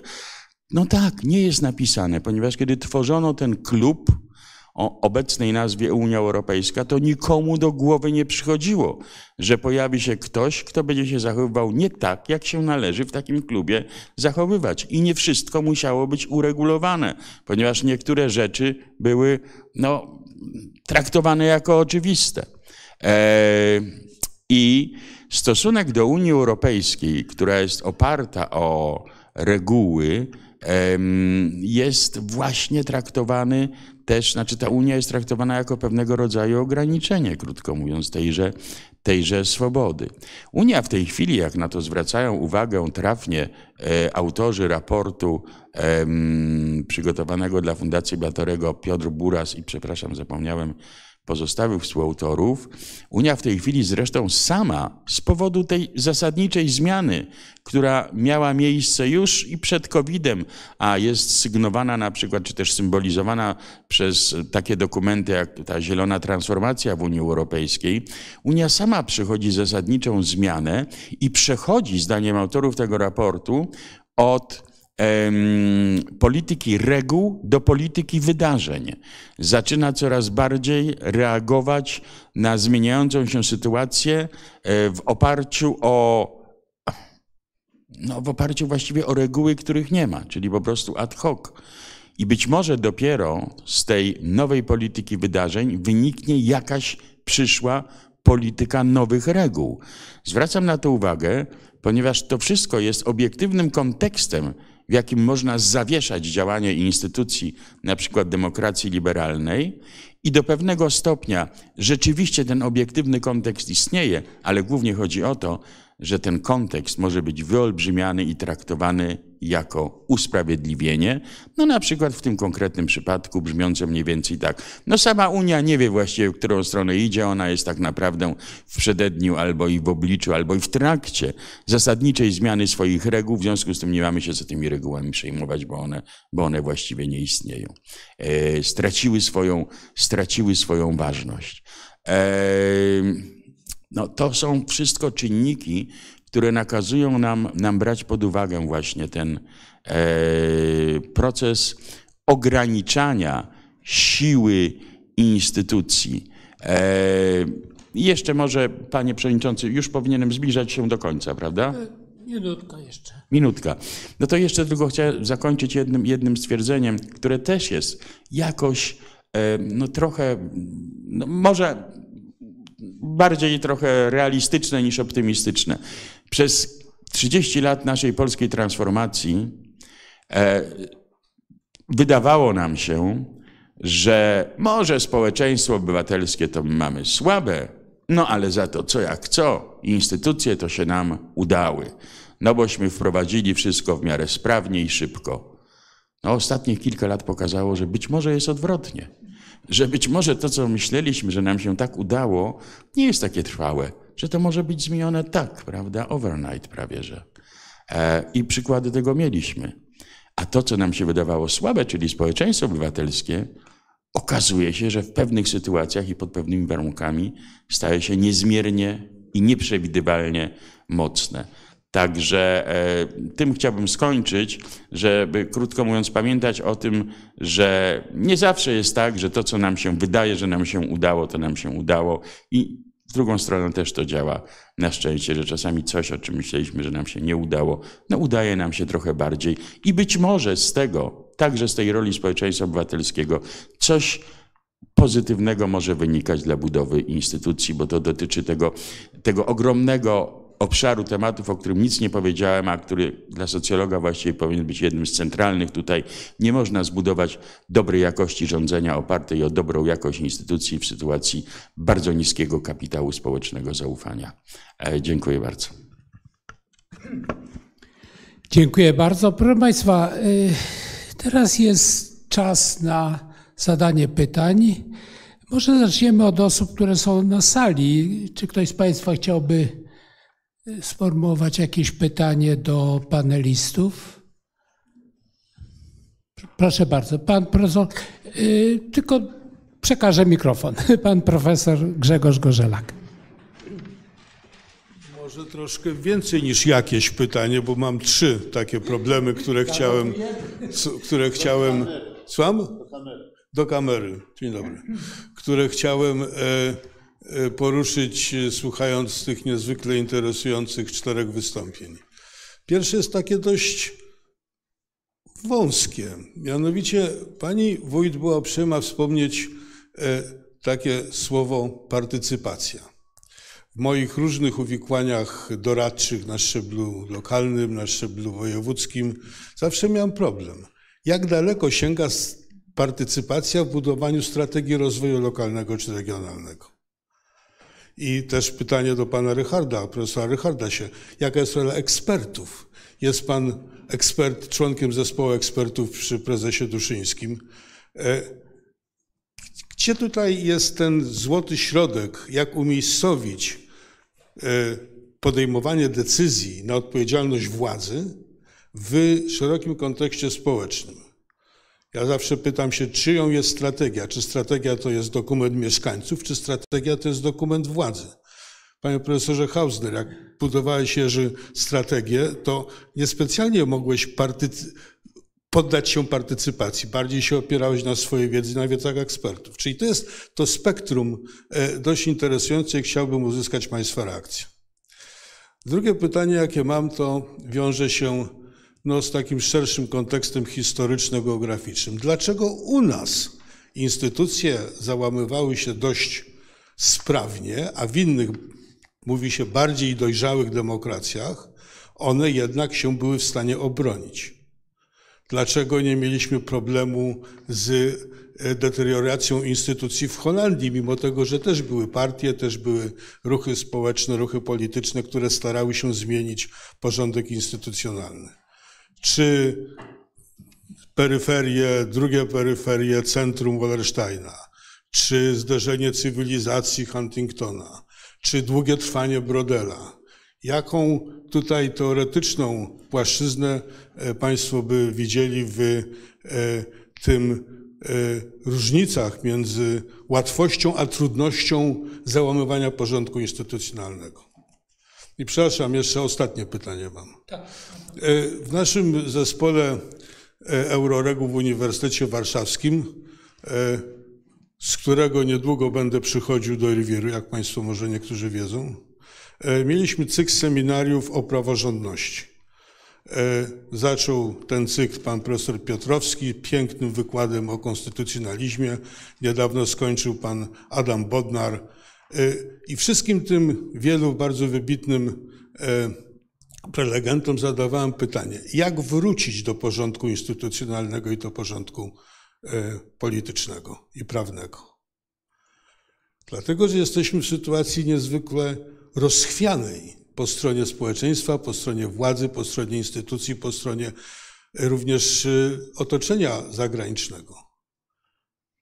Jak jeżeli obecna władza przegra następne wybory? Co nas czeka? No, przepraszam, zadaję trudne pytanie, pan profesor Rychard.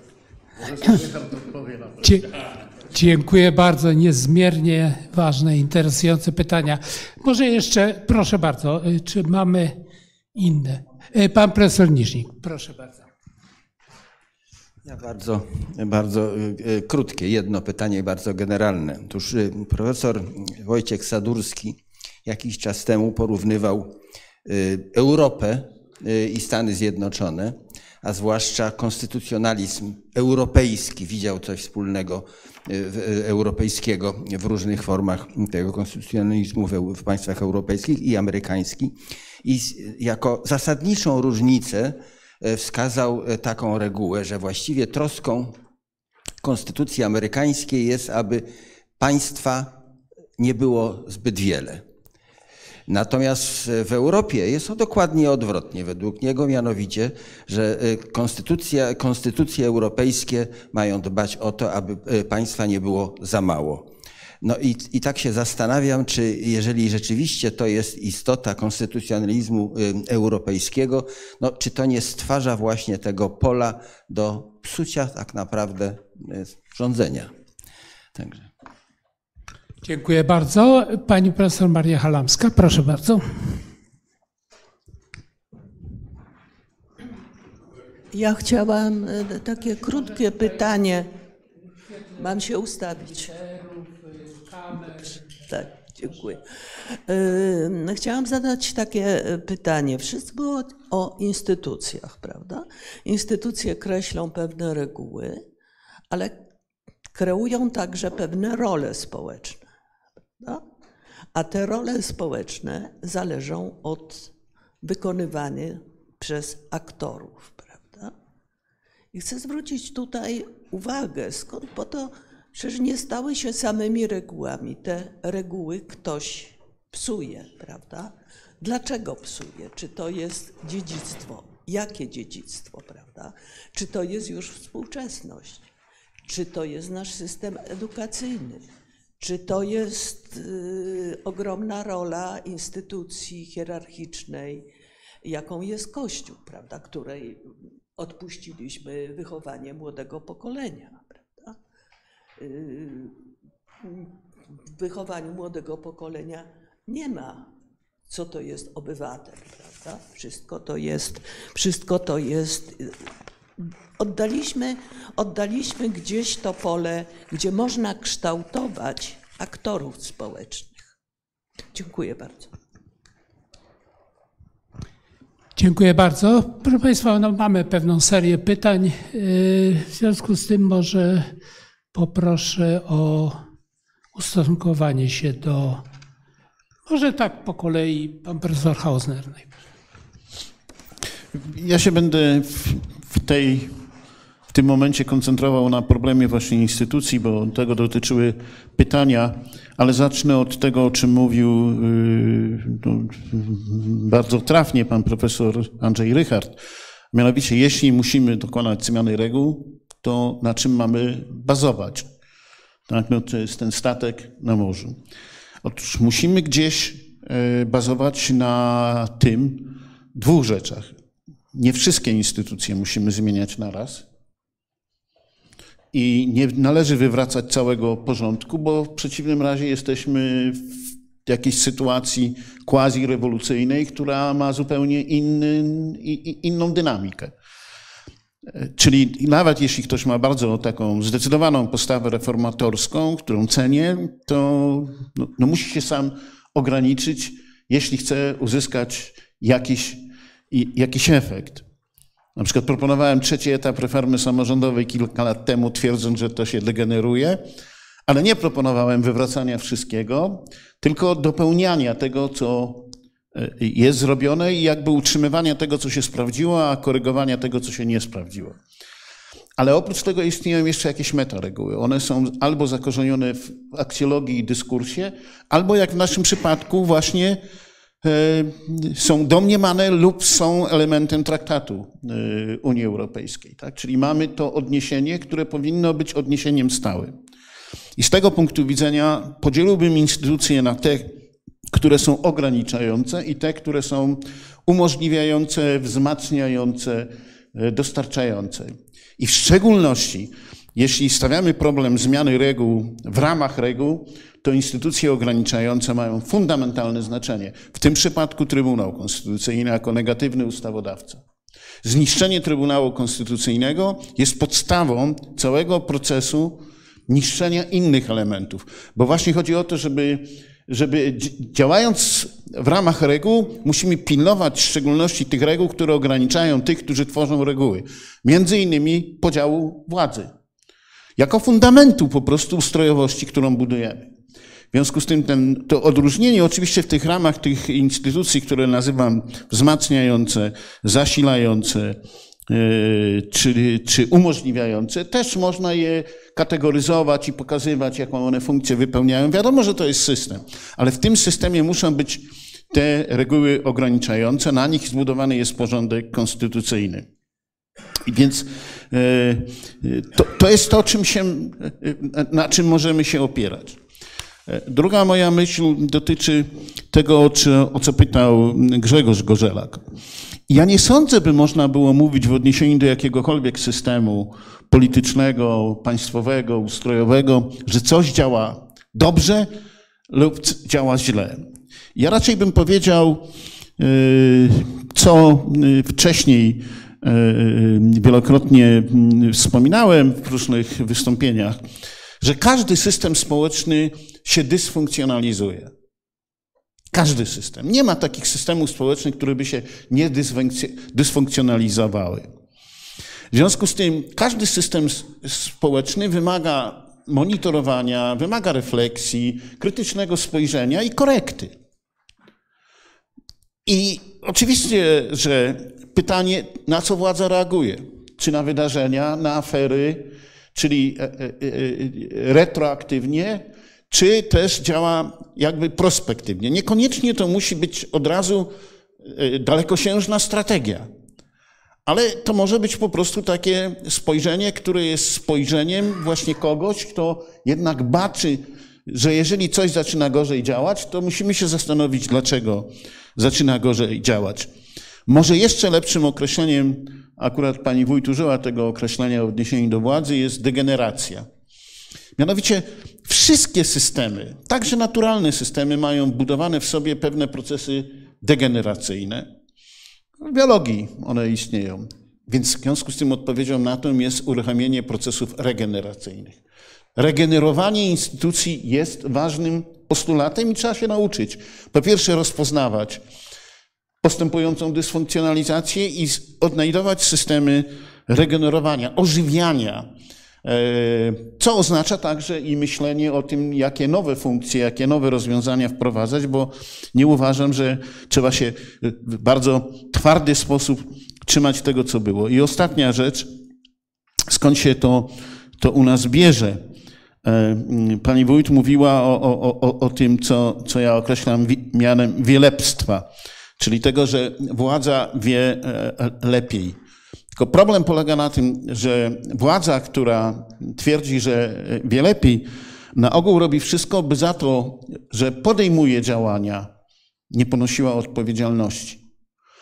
I jednym z centralnych problemów, który możemy lokować w historii daleko, e, a nawet w tej historii najnowszej, tak, w okresie komunizmu, on bierze się z czegoś, co już w latach 90. zostało nazwane, między innymi w, pracy, w pracach, które ja uczestniczyłem z panią profesor Mirosławą Marody, zinstytucjonalizowaną nieodpowiedzialnością. Tak? I to jest problem, który w Polsce występuje. Ci, którzy rządzą, chcą decydować, ale nie, nie chcą, robią wszystko, by uciec od odpowiedzialności za to, że decydują. I jeśli mogą tak czynić, to oczywiście, że proces degenerowania instytucji, instytucjonalnego postępuje znacznie szybciej. W związku z tym pytanie, w jaki sposób e, stworzyć mechanizmy, które są me mechanizmami nieodpowiedzialności w tym sensie e, sądowym czy kryminalnym, ale czymś, co jest accountability. Tak? Czyli tej odpowiedzialności wobec kogoś. Pani wójt przez system wybory, e, wyboru sołtysa modyfikuje odpowiedzialność sołtysa. No bo jeżeli to jest kazik, no to wiadomo, że to jest nasz, to mu nie czynimy szkody. Jeśli uczestniczę w jakimś procesie wyłaniania tego sołtysa, to w jakimś sensie czynię tego kogoś, kto wybiera tego sołtysa, współodpowiedzialnym. Tak? My go wybraliśmy, w związku z tym no, staramy się, żeby on był wobec nas no, w jakimś sensie accountable, czyli odpowiadał za to, żeby, żeby reagował, bo te mechanizmy korygowania są niezwykle ważne. Tak? I to nie jest tak, że istnieje jeden mechanizm korygowania. Tych mechanizmów korygowania trzeba wiele, ponieważ absolutnie e, zgadzam się z panem profesorem, że nie, nie tylko te wielkie wyzwania, takie jakie mamy w tej chwili, skłaniają nas do tego, że musimy modyfikować reguły, ale normalne życie, prędzej czy później prowadzi do tego, że coś się zużyło i trzeba czymś innym zastąpić, nie wywracając całego porządku. O jakie reguły oprzeć zmianę reguł? No to jest fundamentalne pytanie. Ja muszę powiedzieć, że bardzo mocno sympatyzuję z tym, co powiedział przed chwilą profesor Jerzy Hausner, żebyśmy mieli jakąś hierarchię instytucji. E, i żeby w tej hierarchii było szczególne miejsce dla tych, no na przykład tych takich negatywnie kontrolujących, których nie ruszamy, choćby się paliło i waliło, bo one stoją na straży, krótko mówiąc, całości. Bardzo sympatyzuję z takim podejściem, aczkolwiek obawiam się jego realizmu. Obawiam się, że stopień jego realizmu nie jest wystarczająco duży, aby gwarantować realizowalność takiego myślenia. No bo to przecież zwykle te sytuacje zawirowań, w których dokonują się te zmiany reguł, to nie są sytuacje seminaryjne, gdzie sobie siedzimy dookoła stołu i mówimy sobie, no tak, te zostawiamy, tych nie ruszamy, a te mogą, prawda, ulegać zmianie. No nie, pojawiają się w takich okresach siły polityczne i społeczne, które będą dążyły do tego, żeby tę hierarchię zbudować dokładnie odwrotnie, niż my byśmy uważali, że jest racjonalna. To znaczy najpierw zaatakować i zmienić te fundamentalne instytucje bo trafnie rozpoznają, że to od nich wszystko zależy. Eee, więc jak zrobić, żeby móc zrealizować ten model e, takiej hierarchii i instytucji, e, który pozwoli wyłączyć pewne spośród nich z, ze zmiany i uczynić je ostoją reguł, jak to zrobić w sytuacjach radykalnej zmiany, no to no to to samo w sobie jest wyzwaniem.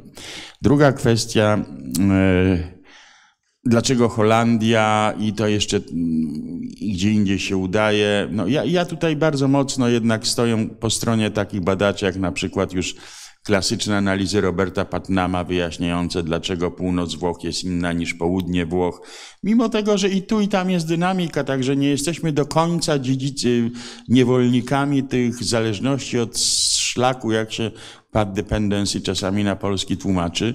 E, są zmiany, aczkolwiek jednak jest to bardzo mocno historycznie ugruntowane i ta północ Włoch rozwinęła właśnie e, dobre instytucje, które przyczyniły się do wzrostu, a nie było tak, że instytucje stały się ubocznym efektem wzrostu. Nie, to najpierw były instytucje.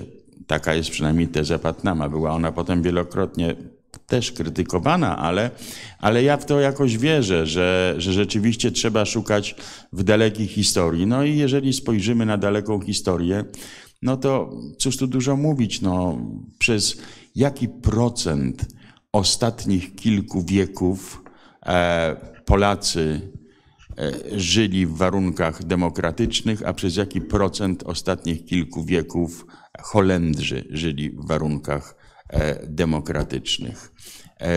I nawet nie odwoływałbym się do żadnych mentalności narodowych, tylko po prostu do takich bardziej strukturalno-behawioralnych, twardych wskaźników opartych o, o historię. Ich nie można, ich nie można e, zignorować. E, pan profesor Gorzelak pyta się o rolę eksperta. No to e, aż się nasuwa tutaj próba odpowiedzi na pytanie, jakie widzę efekty, no na przykład właśnie tej pracy w zespole COVID przy prezesie PAN. No jeśli chodzi o reakcję władzy, to powiem wprost, no żadnych nie widzę. Eee, myśmy opublikowali do tej pory 30 stanowisk oraz duży raport. Eee, działamy bardzo mocno regularnie. To jest notabene dla mnie jedno z najbardziej satysfakcjonujących doświadczeń zawodowych, ale zawodowych ponieważ e, my nie widzimy wpływu e, na e, działania władz, raczej widzimy dużo sprzeczności i w każdym, no może delikatnie mówiąc, niespójności, ale też musimy sobie powiedzieć, nigdy nie byliśmy traktowani, ani sami nie traktowaliśmy się i nie traktujemy się jako zespół doradczy, który ma komuś doradzać. My mamy przedstawiać pewien rodzaj wiedzy, to jest być może minimalistyczne i to minimalizuje, powiedziałbym, poziom frustracji, ale chyba nie mogliśmy zrobić inaczej. Mamy przedstawiać poziom wiedzy w interakcji ze społeczeństwem. Naszym partnerem są ludzie, a nie władza. Dlatego my publikujemy e, natychmiast. Przypomnę, że Rada Medyczna przy premierze no nie była tak szalenie znana akurat ze swoich publikacji. Ta w tej pierwotnej wersji, o tej drugiej też jakoś nie, nie wiem, czy coś publikowała. E, natomiast y, y, to jest y, no, jakieś, jakieś ograniczenie. Tym niemniej, no to nam jak gdyby, to nas nie zdemotywowało. Myśmy od początku zakładali, że niekoniecznie będziemy, e, będziemy słuchani. Ostatnia uwaga dotycząca e, tego, o czym powiedział profesor Niżnik.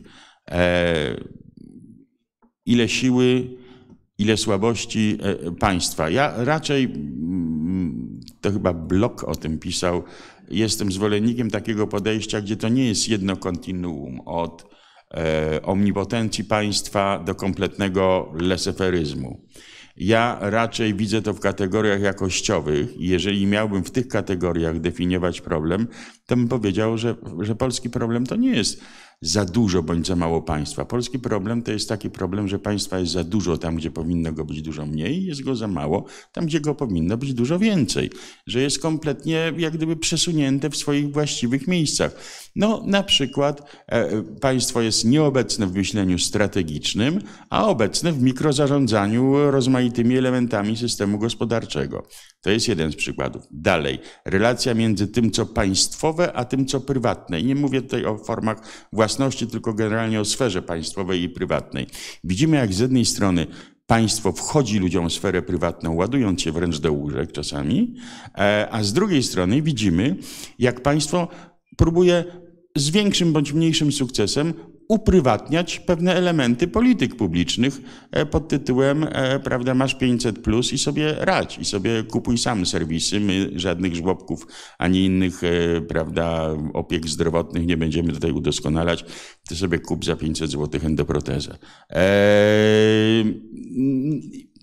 To też jest właśnie te pomylenie, pomylenie funkcji. I to jest moim zdaniem największy problem polskiego, aczkolwiek nie przypuszczam, że tylko polskiego państwa, że, że jest nieobecne tam, gdzie być powinno i obecne tam, gdzie go raczej być nie powinno. Dziękuję bardzo. Dziękuję bardzo. Zanim oddamy może e, głos pani wójt, ponieważ słyszałem, że profesor Niżnik musi wyjść przed pierwszą, w związku z tym króciutko jeszcze dodam do tego, co mówił tutaj e, pan profesor Rychard. Jak spojrzymy na taki długookresowy udział państwa w dzieleniu PKB, na przykład w Stanach i w, w krajach europejskich, to widzimy wielką różnicę. W Stanach to jest około 30%, a nawet mniej było. W Europie to było, obecnie jest w większości krajów powyżej 40, a bywało, że dochodziło do 60 jak w krajach skandynawskich. To jest pierwsza sprawa. Druga to ta, że keynesizm, który przypisywał państwu bardzo dużą rolę, e, nie był nigdy tak popularny w Stanach jak e, w, w, w krajach europejskich. E, a keynesizm, jak wiadomo, jest bardzo wpływową, znaczącą polityką ekonomiczną i teorią ekonomiczną zresztą. I, i ostatnia sprawa to jest też kwestia historii. No, historia państwa w Europie jest jednak dłuższa niż historia państwa w Stanach Zjednoczonych i pewne zjawiska, które na przykład Brodel nazywał tymi instytucjami długiego trwania, które na przykład jeszcze w Europie się czuje od czasów średniowiecznych, e, są wyraźne. Tego nie było w Stanach Zjednoczonych. To, to tyle króciutko. Mam też do innych, ale proszę Państwa, zanim e, oddam głos Pani Wójt, e, napłynęły trzy pytania drogą internetową. Pani Ruta Śpiewak zadała dwa pytania. Pierwsze, czy w miarę silne społeczeństwo obywatelskie i obecny zryw pomocowy może paradoksalnie być szkodliwy, bowiem zwalnia instytucje publiczne, e, którą, które czują się zwolnione od obowiązków, bo to za nich ktoś inny załatwia. I drugie pytanie. W jaki sposób, zdaniem Państwa, obecna fala migracyjna może wpłynąć na jakość rządzenia, nowe wyzwania, do których państwo wydaje się nieprzygotowane? Dodatkowe zadania, czy spowodują dalsze pogorszenie się standardów instytucjonalnych? Czyli krótko mówiąc, czy ten napływ jednak dużych zbiorowości migrantów może po, dalej popsuć jeszcze niektóre instytucje, czy wpłynąć na ich poprawę. I pan Tadeusz Kacprzak y, napisał, no, jakość rządzenia, reguły, chyba zależy to od jakości stanowionego prawa i realizowanych polityk społecznych. To tyle i pani wójt, teraz bardzo proszę. Dziękuję. To ja Chyba bym się chciała odnieść do pani profesor, do tego, co pani powiedziała o tym mm, oddaniu pola w kształtowaniu aktorów e, społecznych, oddaniu trochę kościołowi, trochę nie wiadomo kogo, bo bardzo się z tym zgadzam. Mam wrażenie, że przez e, ostatnie 30 lat e, czegoś nie zrobiliśmy w Polsce. Dlatego, I dlatego od 2015 roku to rządzenie w Polsce wygląda tak, jak wygląda. Tej pracy domowej nie odrobiło wiele nie wiem, instytucji, wiele środowisk, w tym również myślę samorządy.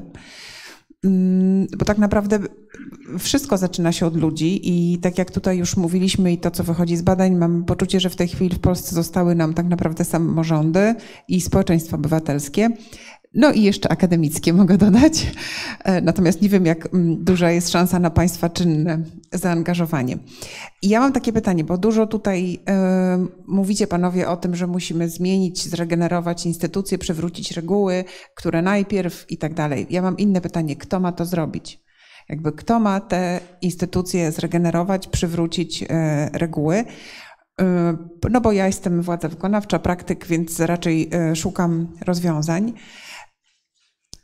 I ja nie widzę na razie, powiem szczerze, takiej e, siły, takich ludzi, bo pozostając przy samych e, sprawach samorządowych, które są, no powiedzmy, jednym tutaj z elementów, o których rozmawiamy, nie było przez ostatnie 20 lat rządu, który jakiś, jakoś przesadnie wspierał samorządy. Oczywiście ostatni e, ma absolutne rekordy w jego niszczeniu, ale jeśli spojrzymy wcześniej, to wcale nie było tak, że e, rząd centralny tak bardzo budował i wspierał polską samorządność. I teraz tak, jak ja mam wierzyć, że obecne partie opozycyjne, wszystkie, e, po przejęciu władzy w Polsce, nie, że tak powiem, nie umoszczą się wygodnie w tych zmianach wprowadzonych przez Zjednoczoną Prawicę i okaże się, tak, po zmianie władzy w Polsce, że jednak z jakichś powodów nadal nie jest możliwa zmiana na przykład udziału samorządów w podatku PIT, tak, bo budżet państwa jest w fatalnym stanie. I to też jest tak, że e, ten wprowadzony przez e, PiS polityczny klientyzm, a raczej doprowadzony do mistrzostwa przez Zjednoczoną Prawicę polityczny klientyzm, on nie był nieobecny w polskim życiu publicznym przez 2015 roku. Fundacja Batorego naprawdę wszystkie e, zarówno rozdania Rządowego Funduszu Inwestycji Lokalnych, Polskiego Ładu, jak i wcześniejsze schetynówki i wszystkie w ogóle inne fundusze centralne, które były rozdawane samorządom, jeśli mogę tak to określić, rozdawane, policzyła. I e, przy poprzednich rządach również e, ten e, stopień tego no, politycznego klientyzmu miał zastosowanie, tylko na wielokrotnie mniejszym procencie, bo było to powiedzmy w okolicy 20%, a w tej chwili 90% tych środków jest rozdawanych, mówiąc kolokwialnie, po uważaniu. Więc pytam ponownie, kto ma te reguły zmienić? Bo również po stronie polskiej opozycji tego nie widzę, a umówmy się, że to jest to, co też y, często powtarzamy jako samorządowcy. Możemy polityki nie lubić, możemy się na polityków obrażać, ale państwo zmieniają politycy, tak? Znaczy bez polityków Polski nie zmienimy. I teraz kto ma to zrobić? Ja osobiście wierzę, a przed e, samorządem byłam również działaczem w organizacjach społecznych, że to od nas, mówię od nas, od społeczeństwa obywatelskiego i od samorządów zacznie się ta przemiana. Tylko jeszcze zobaczymy, jak będzie wyglądać. Jeszcze króciutko o tej strategii. Mm, to pierwsze pytanie. Jak daleko powinna sięgać partycypacja w budowaniu strategii rozwoju lokalnego? To y, ja mogę to pytanie rozszerzyć. Jak daleko w ogóle powinna sięgać e, partycypacja? Ponieważ y, można się tak rozpartycypować i rozdyskutować e, bez końca. W którymś momencie trzeba powiedzieć, e, stop i mówiąc kolokwialnie, wziąć decyzję na klatę, przepraszam za e, takie określenie, no bo nie można jakby wiecznie siedzieć w dyskusjach. I to jest taki znowu taki balans, który codziennie gdzieś musimy w sobie to zmierzyć. Dla mnie, nie ukrywam, e, takim odkryciem mniej więcej po roku kadencji, odkryłam, że ja mam działać w, e, w interesie, w zbiorczym interesie mieszkańców mojej gminy. I nie ukrywam, że znalezienie tego słowa zbiorczy interes był dla mnie pewnego rodzaju właśnie odkryciem, bo przez pierwszy pierwszy rok usiłowałam zadowolić i zaspokoić każdego pojedynczego mieszkańca mojej gminy, co jest oczywiście z góry skazane na niepowodzenie, więc e, trzeba gdzieś e, no to cały czas wyważyć. Nie ma na to jakby ani stałego przepisu, ani dokładnej recepty. Na tym też rozumiem polega piękno samorządu jednak, że ta recepta nie jest stała. Ja bym powiedziała, że to jest tak, słucham, tak? Słucham, dyskutuję, sprawdzam, sprawdzam ekspertów, uwarunkowania prawo i podejmuję decyzję, ale jednak to słucham jest pierwsze, jest pierwsze i bardzo ważne. Dziękuję bardzo. Ja na jedno e, pytanie i uwagę e, teraz chciałem szybciutko odpowiedzieć. E, pani wójt zaczęła od podkreślenia znaczenia prawdy. Zacznijmy od mówić o prawdzie i dążyć do prawdy. E, z drugiej strony profesor Grzegorz Gorzelak mówi tak, od czego zacząć odbudowę ładu instytucjonalnego, czy poprawianie tego ładu i tak dalej. Otóż parę dni temu ukazał się wywiad z Timothy Snyderem, na którego się jeszcze powołam przy końcu mojego, mojej, mojej prezentacji. zadano mu takie pytanie właśnie, od czego zacząć? I on powiada tak, y, proponuję zacząć od y, przywrócenia sensu językowi.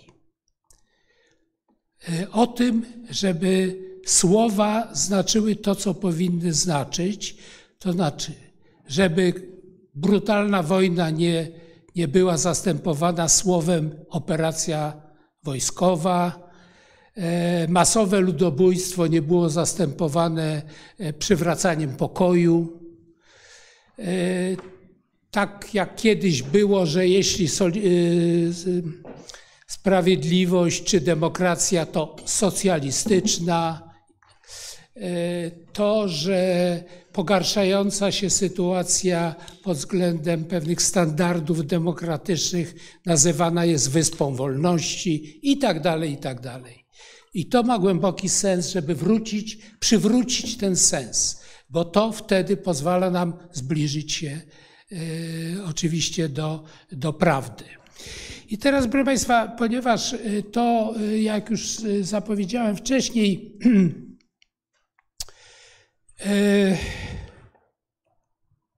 już, przepraszam, za chwilę chciałem, bo teraz parę, parę informacji dotyczących E, empirycznych, że tak powiem, empirycznego. A, proszę Państwa, to jest to, że już, przepraszam, odwrócony. E, Bank Światowy, mówimy o, o dobrym rządzeniu, e, mianowicie Bank Światowy zdefiniował to następująco, samo pojęcie governance, że jest przejawem przewidywalnego, otwartego i przejrzystego procesu podejmowania decyzji politycznych, biurokracji opierającej się na etosie zawodowym, władzy wykonawczej rozliczalnej za swoje działania, mocnego społeczeństwa obywatelskiego, uczestniczącego w rozwiązywaniu spraw publicznych, a wszyscy oni działający w ramach państwa prawa. I to jest ta, ta y, definicja, która była dla nas, ja mówię o pewnym zespole badawczym, który badał y, tę jakość rządzenia, y, podstawą do wyodrębnienia tych sześciu kryteriów dobrego rządzenia. Mianowicie, że dobre rządzenie polega na tym, jeszcze tam jest ekorys, ponieważ to było moim zdaniem takie pierwsze, szersze badanie i próba y, skonstruowania wskaźników dobrego rządzenia, udało nam się zaproponować ponad 100 wskaźników szczegółowych. Y, ponad 100 wskaźników dla tych sześciu kryteriów.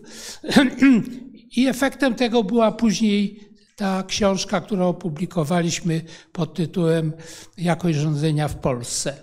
Mianowicie demokratyczne państwo prawne, przejrzystość, transparentność właśnie, rozliczalność, partycypacja, społeczna inkluzja oraz skuteczność i efektywność.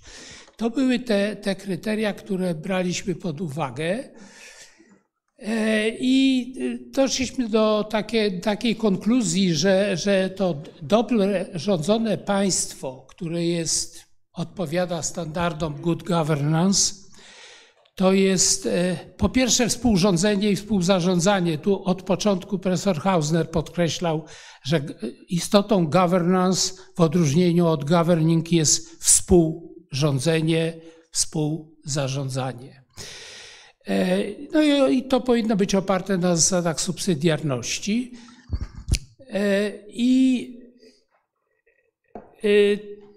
te kryteria, o których mówiłem wcześniej, Demokratyczne państwo prawne to jest przede wszystkim wolne wybory, nieskrępowana aktywność obywatelska, sprawny wymiar sprawiedliwości, prawa człowieka i równość wobec prawa i zasada subsydiarności.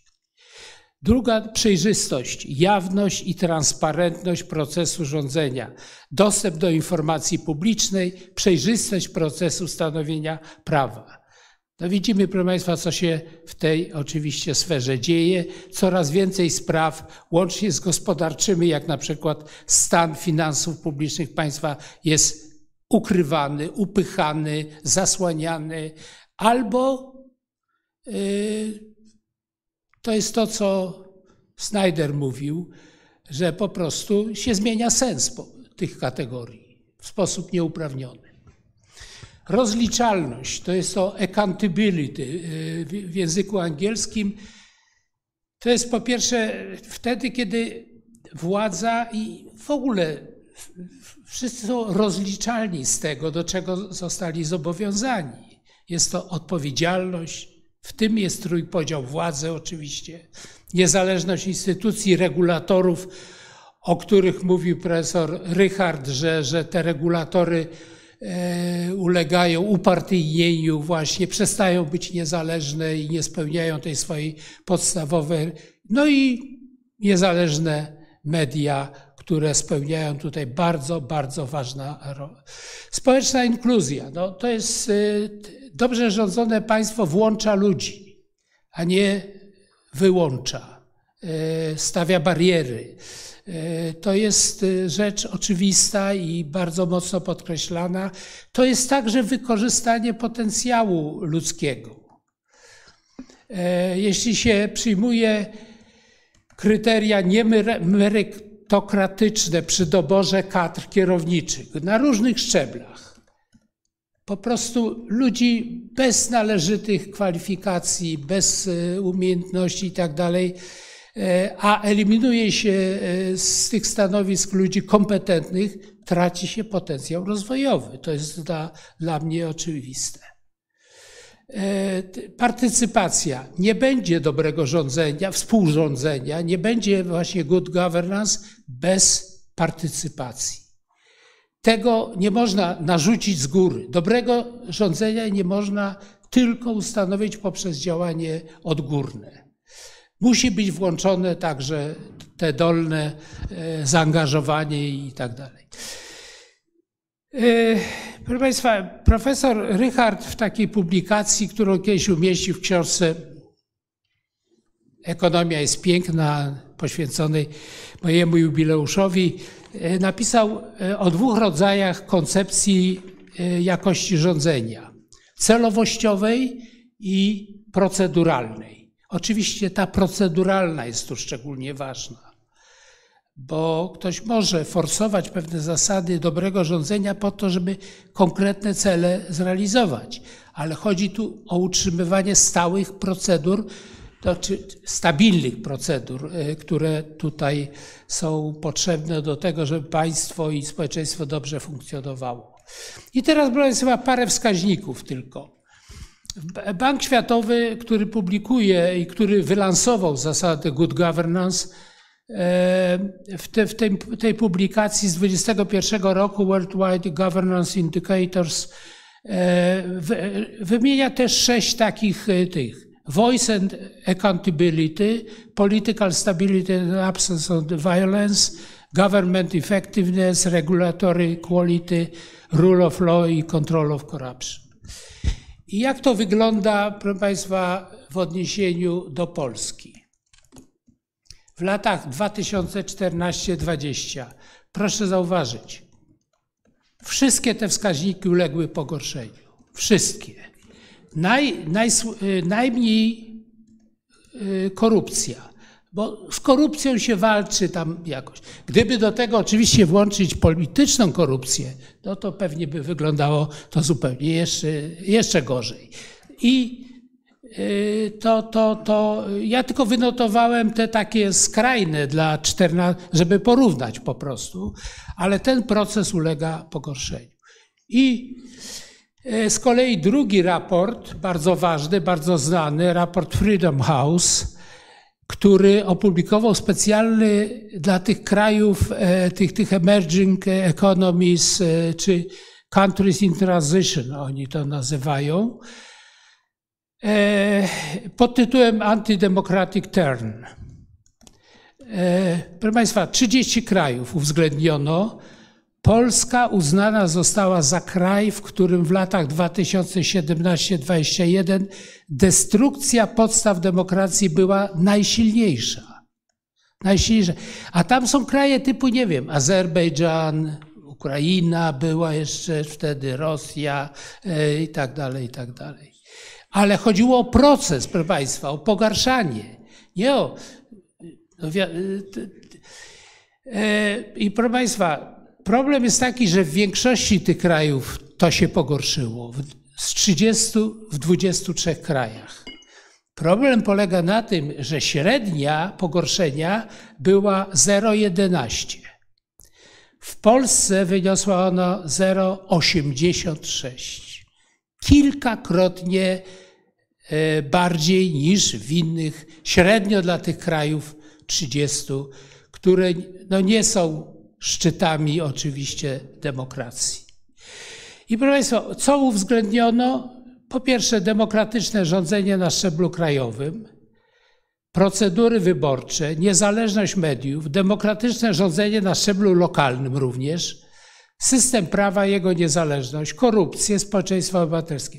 Tylko w tym ostatnim wymiarze sytuacja nie uległa pogorszeniu. I to potwierdza tezę profesora Rycharda, który mówił, że no wydawało się, że instytucje mamy świetne i tak dalej, te także na szczeblu państwowym, e, no, były po kolei rozwalane, no, nazwijmy to tak, e, a społeczeństwo obywatelskie broni się. E, I proszę Państwa, zbliżając się do, do końca tej mojej prezentacji,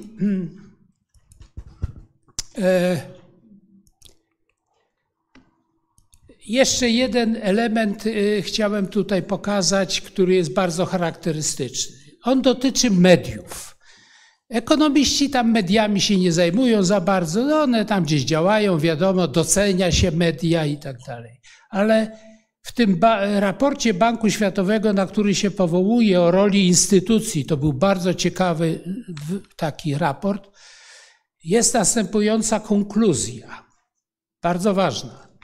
Okazuje się, że państwowa własność mediów, a ta państwowa własność może być też państwową kontrolą, to nie musi być w sensie prawnym typowa własność państwowa, jest negatywnie skorelowana z ekonomicznymi, politycznymi i społecznymi wynikami.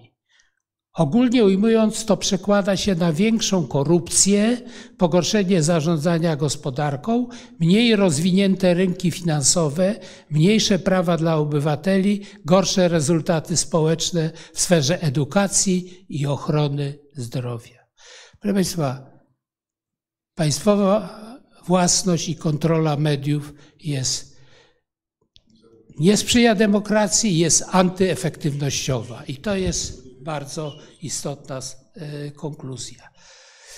E, proszę Państwa, nie będę mówił o europejskiej próbie e, badania jakości rządzenia i tych wskaźników.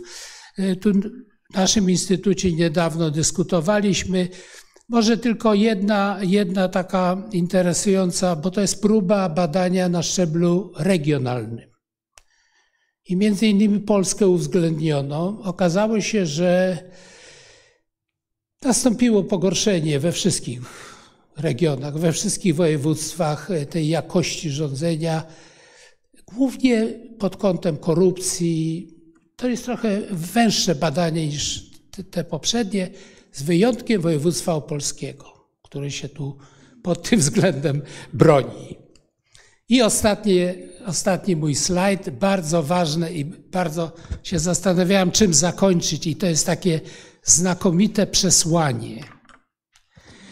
Timothy Snyder w swojej bardzo znanej, niewielkiej, ale niezwykle ważnej książce o tyranii sporo pisze o roli instytucji i potrzebie ich e, obrony. I pisze tak, to warto, warto zapamiętać. To instytucje pomagają nam zachować przyzwoitość. One też potrzebują jednak naszej pomocy. Nie mów o naszych instytucjach, jeżeli nie przechodzisz od słów do czynów i nie działasz na ich rzecz. Instytucje nie obronią się same. Jeżeli nie będziemy chronić każdej z nich od samego początku, runą jedna po drugiej. Wybierz zatem instytucje, na której ci zależy, takie jak sąd, gazeta, ustawa, związek zawodowy, można powiedzieć gmina, uniwersytet, Polska Akademia Nauk i tak dalej, i stań po jej stronie. Czyli to jest apel o docenienie instytucji, ale również do zaangażowania, o aktywność. Dobrze, proszę Państwa, mamy jeszcze trochę czasu na, e, na e, dyskusję. Pan profesor może być do 13.15, także może teraz e, damy jeszcze, nie wiem, chyba że są jakieś Szybkie pytania z, z sali. Bardzo proszę. Jeśli jedno, pan profesor, proszę bardzo. Ja chciałem właściwie w uzupełnieniu tego, e, co zostało powiedziane, mm, właściwie już te wiele do uzupełnienia nie ma, szczególnie po tych licznych twardych danych, które nam przedstawił profesor Wilkin. Chcę powiedzieć o jednej kwestii, która teraz też trochę w nowej perspektywie może być oglądana. Zwykle uważa się, że instytucje to jest sfera reguł, norm, czyli bardzo bliska sferze wartości. Ale instytucje to także jednak jakiś regulator interesów. I chcę powiedzieć, że e, bardzo często na przykład w naukach społecznych, w socjologii mówi się, że ludzie motywowani wartościami niekoniecznie postępowaliby tak samo, gdyby byli motywowani interesami i vice versa że interesy mogą prowadzić do innych działań niż wartości, że ludzie wartości uruchamiają wyłącznie w sytuacjach bardzo szczególnych, odświętnych, a na co dzień kierują się raczej interesami i że niekiedy jest nie, niespójność, by nie powiedzieć sprzeczność pomiędzy, e, pomiędzy jednym a drugim. Ale w szczególnych właśnie sytuacjach, takich sytuacjach powiedziałbym zmiany, czy też sytuacjach etosowych, w sytuacjach bliskich sytuacjom radykalnej, wręcz rewolucyjnej zmiany, to, co dotyczy sfery wartości i to, co dotyczy sfery interesów, zaczyna się zbliżać. Te dwie sfery nie stają się tak bardzo odległe. Jest jeden bardzo konkretny przykład. E, myśmy na, na niego zwrócili uwagę z, z Edwinem Bendykiem w naszym stanowisku e, Fundacji Batorego wobec tych problemów ukraińskich. Notabene to nawet był wkład Edwina Bendyka, to uczciwie muszę powiedzieć, że okazuje się, że to, co było oddzielane jako sfera wartości, czyli prawda, transformacja energetyczna i w ogóle zielony ład, że to jest, prawda, no nie chcę powiedzieć piękno, duchostwo, ale że to jest rzecz, która dotyczy wartości i było oddzielane od interesów, że interesy nam na to jednak nie pozwalają, musimy to odłożyć na potem. Teraz dramatycznie w sytuacji agresji rosyjskiej na Ukrainę okazało się rozróżnieniem kompletnie nietrafionym ponieważ okazało się, że transformacja energetyczna to jest nie tylko kwestia realizacji wartości, ale kwestia realizacji jak najbardziej konkretnie ujętego interesu bezpieczeństwa narodowego. E, więc y, należy też o tym pamiętać, że interesy i wartości są czasami w szczególnych sytuacjach e, zbieżne i że jeszcze, y, jeszcze bardziej jak gdyby budują, powiedziałbym, siłę instytucji. I druga rzecz, która też w pewnym sensie dotyczy e, zbieżności takich no, wielkich norm, e, wyborów politycznych e, i zaszytych w nich wartości, a takich powiedzmy rzeczy, rzeczy codziennych.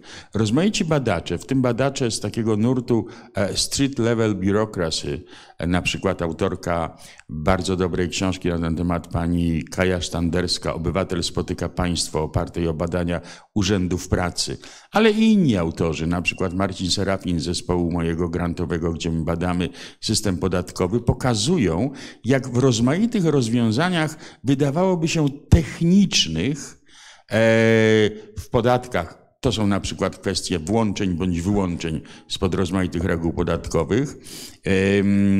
W kwestiach, gdzie obywatel spotyka państwo na dole, jak gdyby to są na przykład sprawy dotyczące tego, jak w rozmaitych algorytmach radzenia sobie z bezrobociem i traktowania bezrobotnych zaszyte są pewne preferencje polityczne. Krótko mówiąc, w tych rozwiązaniach technicznych zaszyte są bardzo często w nie bardzo widoczny sposób dla przeciętnego obywatela jakieś preferencje polityczne, jakieś systemy wartości.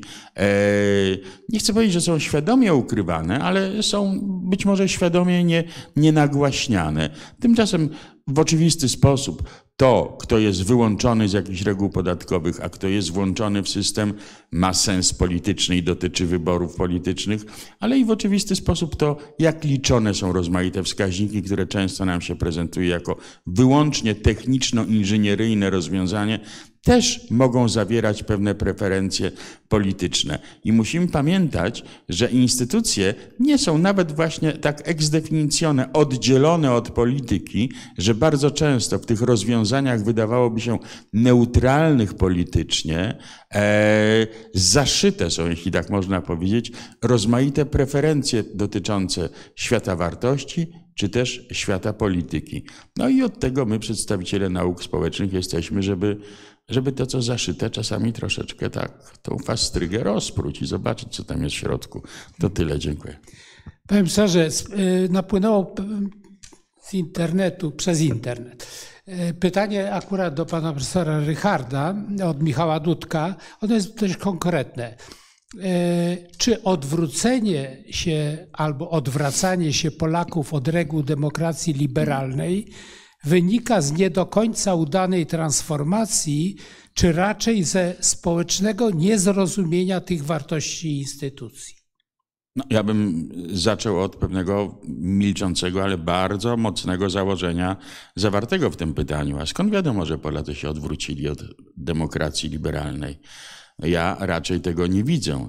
Jeżeli by jako wskaźnik tego odwrócenia się traktować to, no, że jednak wybory wygrywa e, Prawo i Sprawiedliwość, to po pierwsze bym zwrócił uwagę na to, żebyśmy nie popełniali błędu polegającego na tym, że z bardzo e, głębokiego charakteru zmian instytucjonalnych wprowadzanych przez Prawo i Sprawiedliwość wnioskujemy o niejako niezmiernie silnym, strukturalnym zakorzenieniu tego modelu państwa, które oni proponują.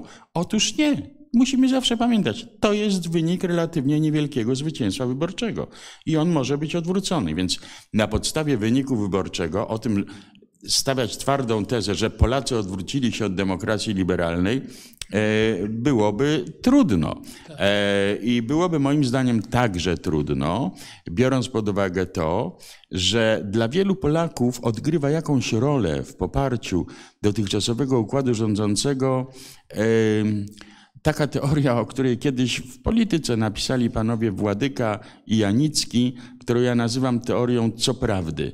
Takie swoiste trade-off. Być co prawda trochę tam niszczą tą demokrację, ale za to i tak dalej. I na tym y, się opiera duża część stabilności, a jeszcze inna część tej stabilności opiera się na tym, no, że co tu dużo mówić, nie wszyscy nawet dokonują takiego trade-off, prawda? No może niszczą demokrację, ale za to dają 500. E, niektórzy po prostu widzą wszystko oddzielnie.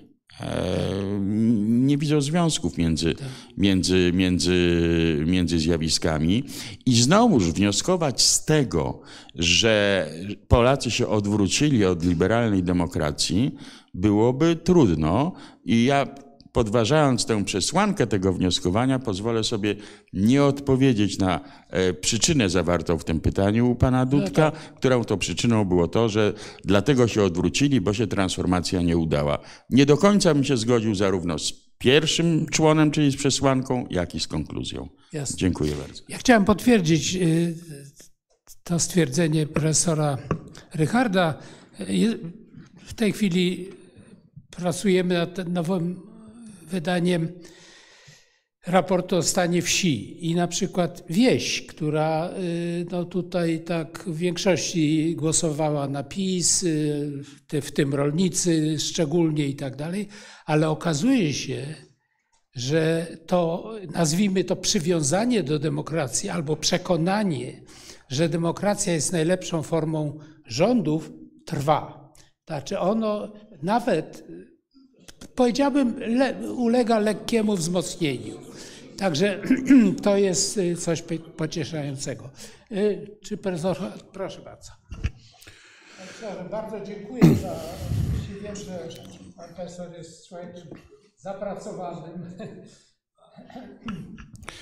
Ja, ja, chciałbym y, na tle tego, co zostało powiedziane, jednak mocno podkreślić, że to nie jest tak, że nam wszystkie reformy się nie udały. I jeśli y, profesor Wilkin mówi, y, pójdźmy tropem myśli Timothy Snydera, no to ja powiem tą instytucją, którą chcę szczególnie wspierać, jest gmina. Ponieważ uważam, że reforma samorządu terytorialnego jest tym fundamentem, na której można bardzo wiele pozytywnego stworzyć. I przypomnę, że y, ta reforma, to, to kształtowanie tego ustroju terytorialnego odbywało się przynajmniej w dwóch fazach na początku lat 90. i pod koniec lat 90., ale wydaje mi się, że zabrakło trzeciego etapu reformy. Ja proponowałem wraz z zespołem y, całościowe rozwiązanie pod tytułem Trzeci etap reformy w roku 2013-2014. Adresowałem do, do ówczesnych rządzących i nie wymieniając nazwisk, powiem, kompletnie zlekceważyli tę kwestię. Kompletnie.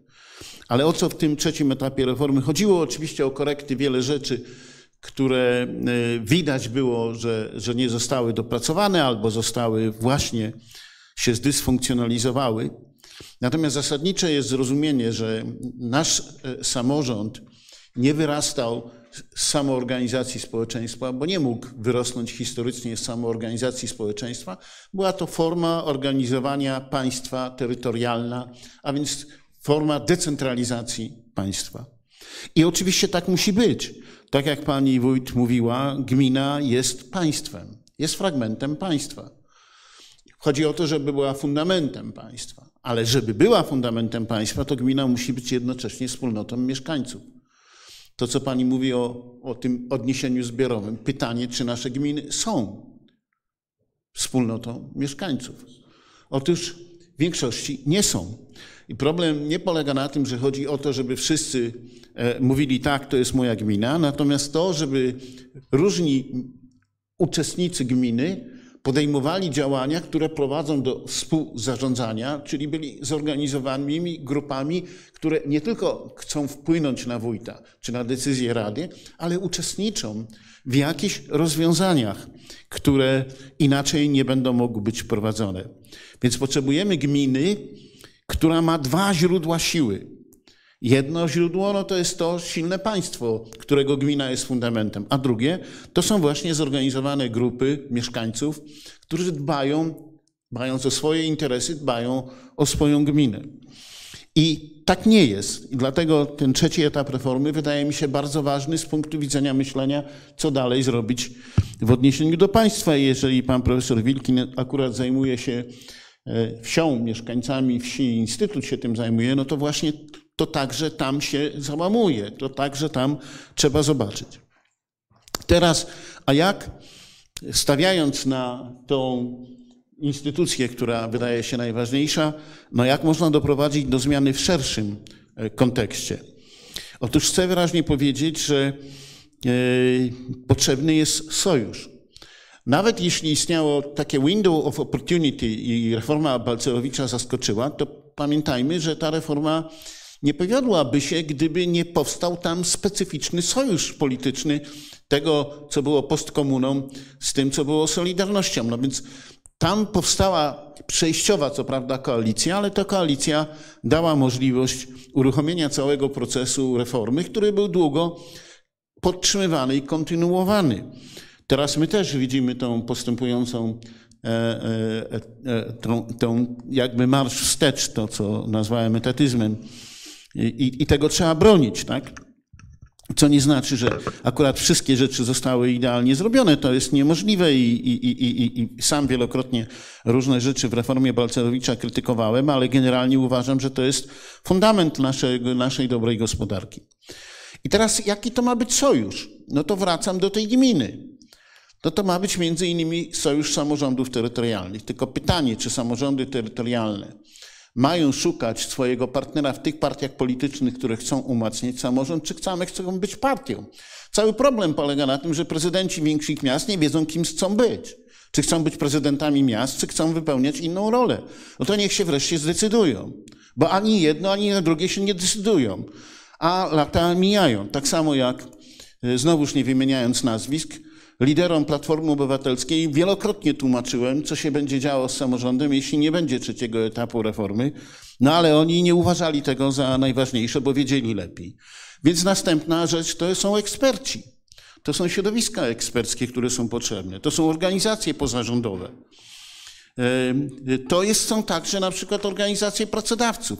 Ja mam wrażenie, że pomiędzy przedsiębiorcami i organizacjami pracodawców, a samorządami terytorialnymi potrzebny jest oczywisty sojusz. Czy raz, czy każda organizacja pracodawców do tego przystąpi? No nie. No nie, żeby było jasne ale wystarczająco jest możliwość zbudowania sojuszu. Jaka ma być to koalicja? Ma być to koalicja obywatelska, a nie koalicja partyjna. Nie wierzmy w to, że jakakolwiek koalicja partyjna, która się wyłoni w wyniku następnych wyborów, rozwiąże te problemy sama, bez budowania tego organicznego sojuszu, o którym mówię. Oczywiście każdy z nas może się do tego przyczyniać na swój sposób. Ja, tak jak Timothy Snyder, stoję za gminą, stoję za samorządem. Wspieram jako ekspert, jako środowisko eksperckie, akademickie e, gminę i inne działania w tym zakresie. Ale rodzi się następne pytanie. Ale czy ci, którzy chcą stworzyć taką koalicję, dbają o swoją wiarygodność? Czy dbają o swoją wiarygodność? Ja znowu sobie przypominam, jak środowiska kultury zorganizowały się i doprowadziły do powstania Paktu na Rzecz Kultury bardzo ciekawej koncepcji rozwijania polskiej kultury, która została zaakceptowana przez ówczesnego premiera. Powiedziałem, że nazwisk nie będę e, wymieniał, więc sobie daruję, ale to była gra pozorów. Ci ludzie zapamiętali, że premier stanął koło, nic, koło nich i robił sobie selfie, ale nic nie zrobił, żeby na przykład wprowadzić inne rozwiązania, gdy chodziło o radiofonię i telewizję, żeby wprowadzić niezależność tych instytucji. Dalej utrzymywał nasz wpływ, zamiast zrezygnować z naszego wpływu na rzecz bardziej obywatelskiego do tego podejścia. Ja nie chcę mówić o żadnej konkretnej koncepcji. I jeśli profesor e, Richard w dzisiejszej rozmowie przywołał kwestię kapitału społecznego zaufania, to pamiętajmy, że zaufanie to nie jest kwestia, że ja tobie ufam lub nie. Ale pytanie, czy ja mogę Tobie ufać, bo to jest fundamentalne pytanie. Pytanie bierze się o zaufanie, bierze się z tego, czy jesteś dla mnie wiarygodny. Czy ja mogę Tobie zaufać? To nie jest tak, że ludzie bezwarunkowo ufają. Im więcej razy się spalą, tym mniej ufają. W związku z tym pytam, jakie są dzisiaj w Polsce instytucje wiarygodne, żeby budować ten sojusz, o którym nam chodzi. I do takich wiarygodnych instytucji trzeba się odwoływać. Co się dzieje natomiast, kiedy ci, którzy powinni wypełniać tą rolę właśnie tworzących perspektywę dokonywania zmiany nie są wiarygodni. Otóż władza, która nie jest wiarygodna, stosuje inne środki. Nie te, o których pani wójt mówiła, o dialogu, o partycypacji. Ma trzy. Przemoc, przekupstwo i propagandę. I chcę zakończyć cytatem z pracy Maxa Schellera Resentyment a moralność. Obok świadomego kłamstwa i fałszerstwa jest jeszcze coś, co trzeba nazwać organicznym zakłamaniem. Ktoś, kto jest organicznie zakłamany, a my z tym mamy w Polsce w tej chwili do czynienia, po prostu nawet nie wie, że kłamie, bo już inaczej nie potrafi. Dziękuję bardzo. Króciutko na koniec pani, pani wójt. Tak, króciutko na koniec. Zbliżamy się do końca naszej debaty. Trochę się poczułam wręcz wywołana tutaj przez tak. pana, pana profesora. Powiem tak, ja w tej mojej bańce informacyjnej, e, w tym moim świecie, w którym ja żyję, aczkolwiek zgadzam się, że może być specyficzne, ja nie widzę tego braku wspólnoty i tego braku współrządzenia przez e, obywateli. Myślę sobie, że jest coraz więcej i mam wrażenie, że co wybory jest ich coraz więcej e, nowych e, samorządowców, wójtów, burmistrzów, prezydentów, dla których to jest jakby podstawa działania, po prostu współrządzenie z mieszkańcami danej jednostki. Mm, aczkolwiek rzeczywiście tutaj chciałabym na chwilę wrócić i może zachęcić nawet środowisko naukowe do pytania e, już postawionego przeze mnie, kto ma zrobić te zmiany, skąd brać tych ludzi i I właśnie jak naukowo zmierzyć, co robić, żeby, żeby po prostu te nowe kadry były. Czyli na przykład, nie wiem, to, że budżet obywatelski musi być w każdej gminie, fundusz sołecki, że w każdej szkole musi być samorząd szkolny. Nie wiem, tu nie ukrywam, że bardzo chciała usłyszeć takie piękne dane, jak Państwo tutaj e, pokazywaliście i od kiwania głową, od potakiwania, prawie mi się już głowa urwała, ale jakby od strony ludzi, kto ma to wszystko, kto ma do tego wszystkiego doprowadzić. A bezpośrednio odpowiadając w imieniu ruchu samorządowego, bo jak mogę, to odpowiem, czemu nie. Nawet zostałam sprowokowana do założenia tej marki ruchu samorządowego Tak dla Polski. Dość, e, myślę, nie, e, wyjątkowego ruchu i to, to jest trochę zasługa Zjednoczonej Prawicy obecnych rządzących, że niezwykle zjednoczyli i zbliżyli samorządy i społeczeństwo obywatelskie. Wszyscy wiemy, co się wydarzyło przy Lex Czarnek, ale ta współpraca trwa. Na razie szukamy sojuszu z partiami opozycyjnymi. Chcielibyśmy, żeby wzięli e, nasze postulaty pod uwagę. Przedstawiliśmy sześć e, takich konkretnych samorządowych postulatów. Czekamy na ich akceptację i podpisanie deklaracji o ich wprowadzeniu po objęciu władzy, żeby nie było tej sytuacji, o której ja mówiłam, że jednak się pewnych rzeczy nie da zrobić. E, nie wiem, co będzie, jeśli ta deklaracja nie zostanie podpisana przez partie opozycyjne. E, być może trzeba będzie po prostu tę, stracić tę cnotę politycznej neutralności, że tak to określam. Bardzo dziękuję. Proszę Państwa, e, dwie minutki na odpowiedź e, na te pytania, które napłynęły. Mianowicie pani Ruty Śpiewak między innymi właśnie, czy, czy ten obecny zryw nie nie, nie zwolni w pewnym sensie państwo instytucje te formalne e, powołane do tego, żeby rozwiązywać te problemy, na przykład, żeby mieć politykę migracyjną e, odpowiednią i przy, być przygotowanym na tego typu. E, to prawda, że Dyskusja nad tym, co ma być domeną państwa, władzy państwowej, a domeną społeczeństwa obywatelskiego i samorządności jest do przedyskutowania, chociaż o tym się dyskutuje w pracach od dawna, pracach, które, o których mówi profesor Hausner. E, to drugie pytanie, czy ta fala migracyjna może wpłynąć na jakość rządzenia, no, nowe wyzwania i tak dalej. E, proszę Państwa, to będzie test e, jakości rządzenia, jest już testem jakości rządzenia i wydaje mi się, że będzie dodatkowym czynnikiem presji, żeby e, tę jakość rządzenia poprawiać. To jest sytuacja dramatyczna i historyczna, która zmusi, mam nadzieję, do zastanowienia się nad tym, jak ta y, domena państwa, domena y, społeczeństwa obywatelskiego i samorządów ma być urządzona.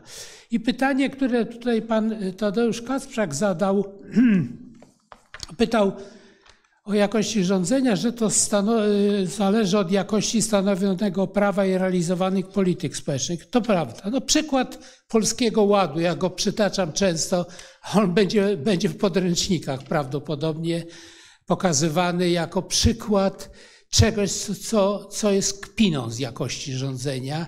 No jeśli taki dokument, proszę Państwa, ma w tej chwili prawie 900 poprawek, kiedy przy stanowieniu tego typu, no, zdawałoby się, strategicznych dokumentów w ogóle nie bierze się pod uwagę e, gremiów e, prawniczych, nawet Rady Legislacyjnej, która, która jest, powinna służyć i z której powinno się korzystać.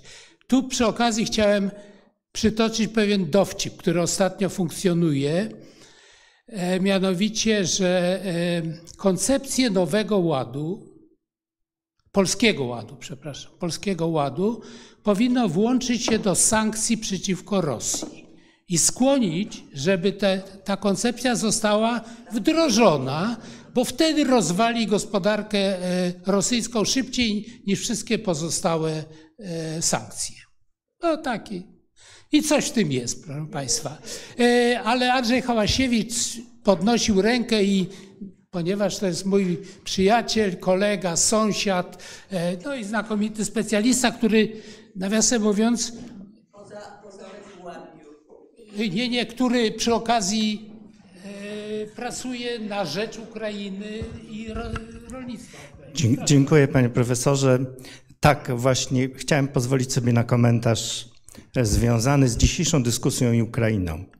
Proszę państwa, to jak jakość rządzenia, jakie, jakie są konsekwencje lepszej lub gorszej jakości rządzenia możemy właśnie obserwować dzisiaj w Ukrainie.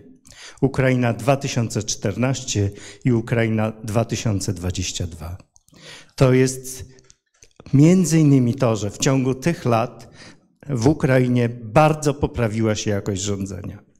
Między innymi przeprowadzona reforma terytorialna i wprowadzenie w roku 2020 głębokiej reformy i utworzenie zamiast ponad 12 tysięcy drobnych gromad, 1470 silnych gmin, to sprawia, że te, w tej, dzisiaj w każdej tej gminie jest silna obrona terytorialna.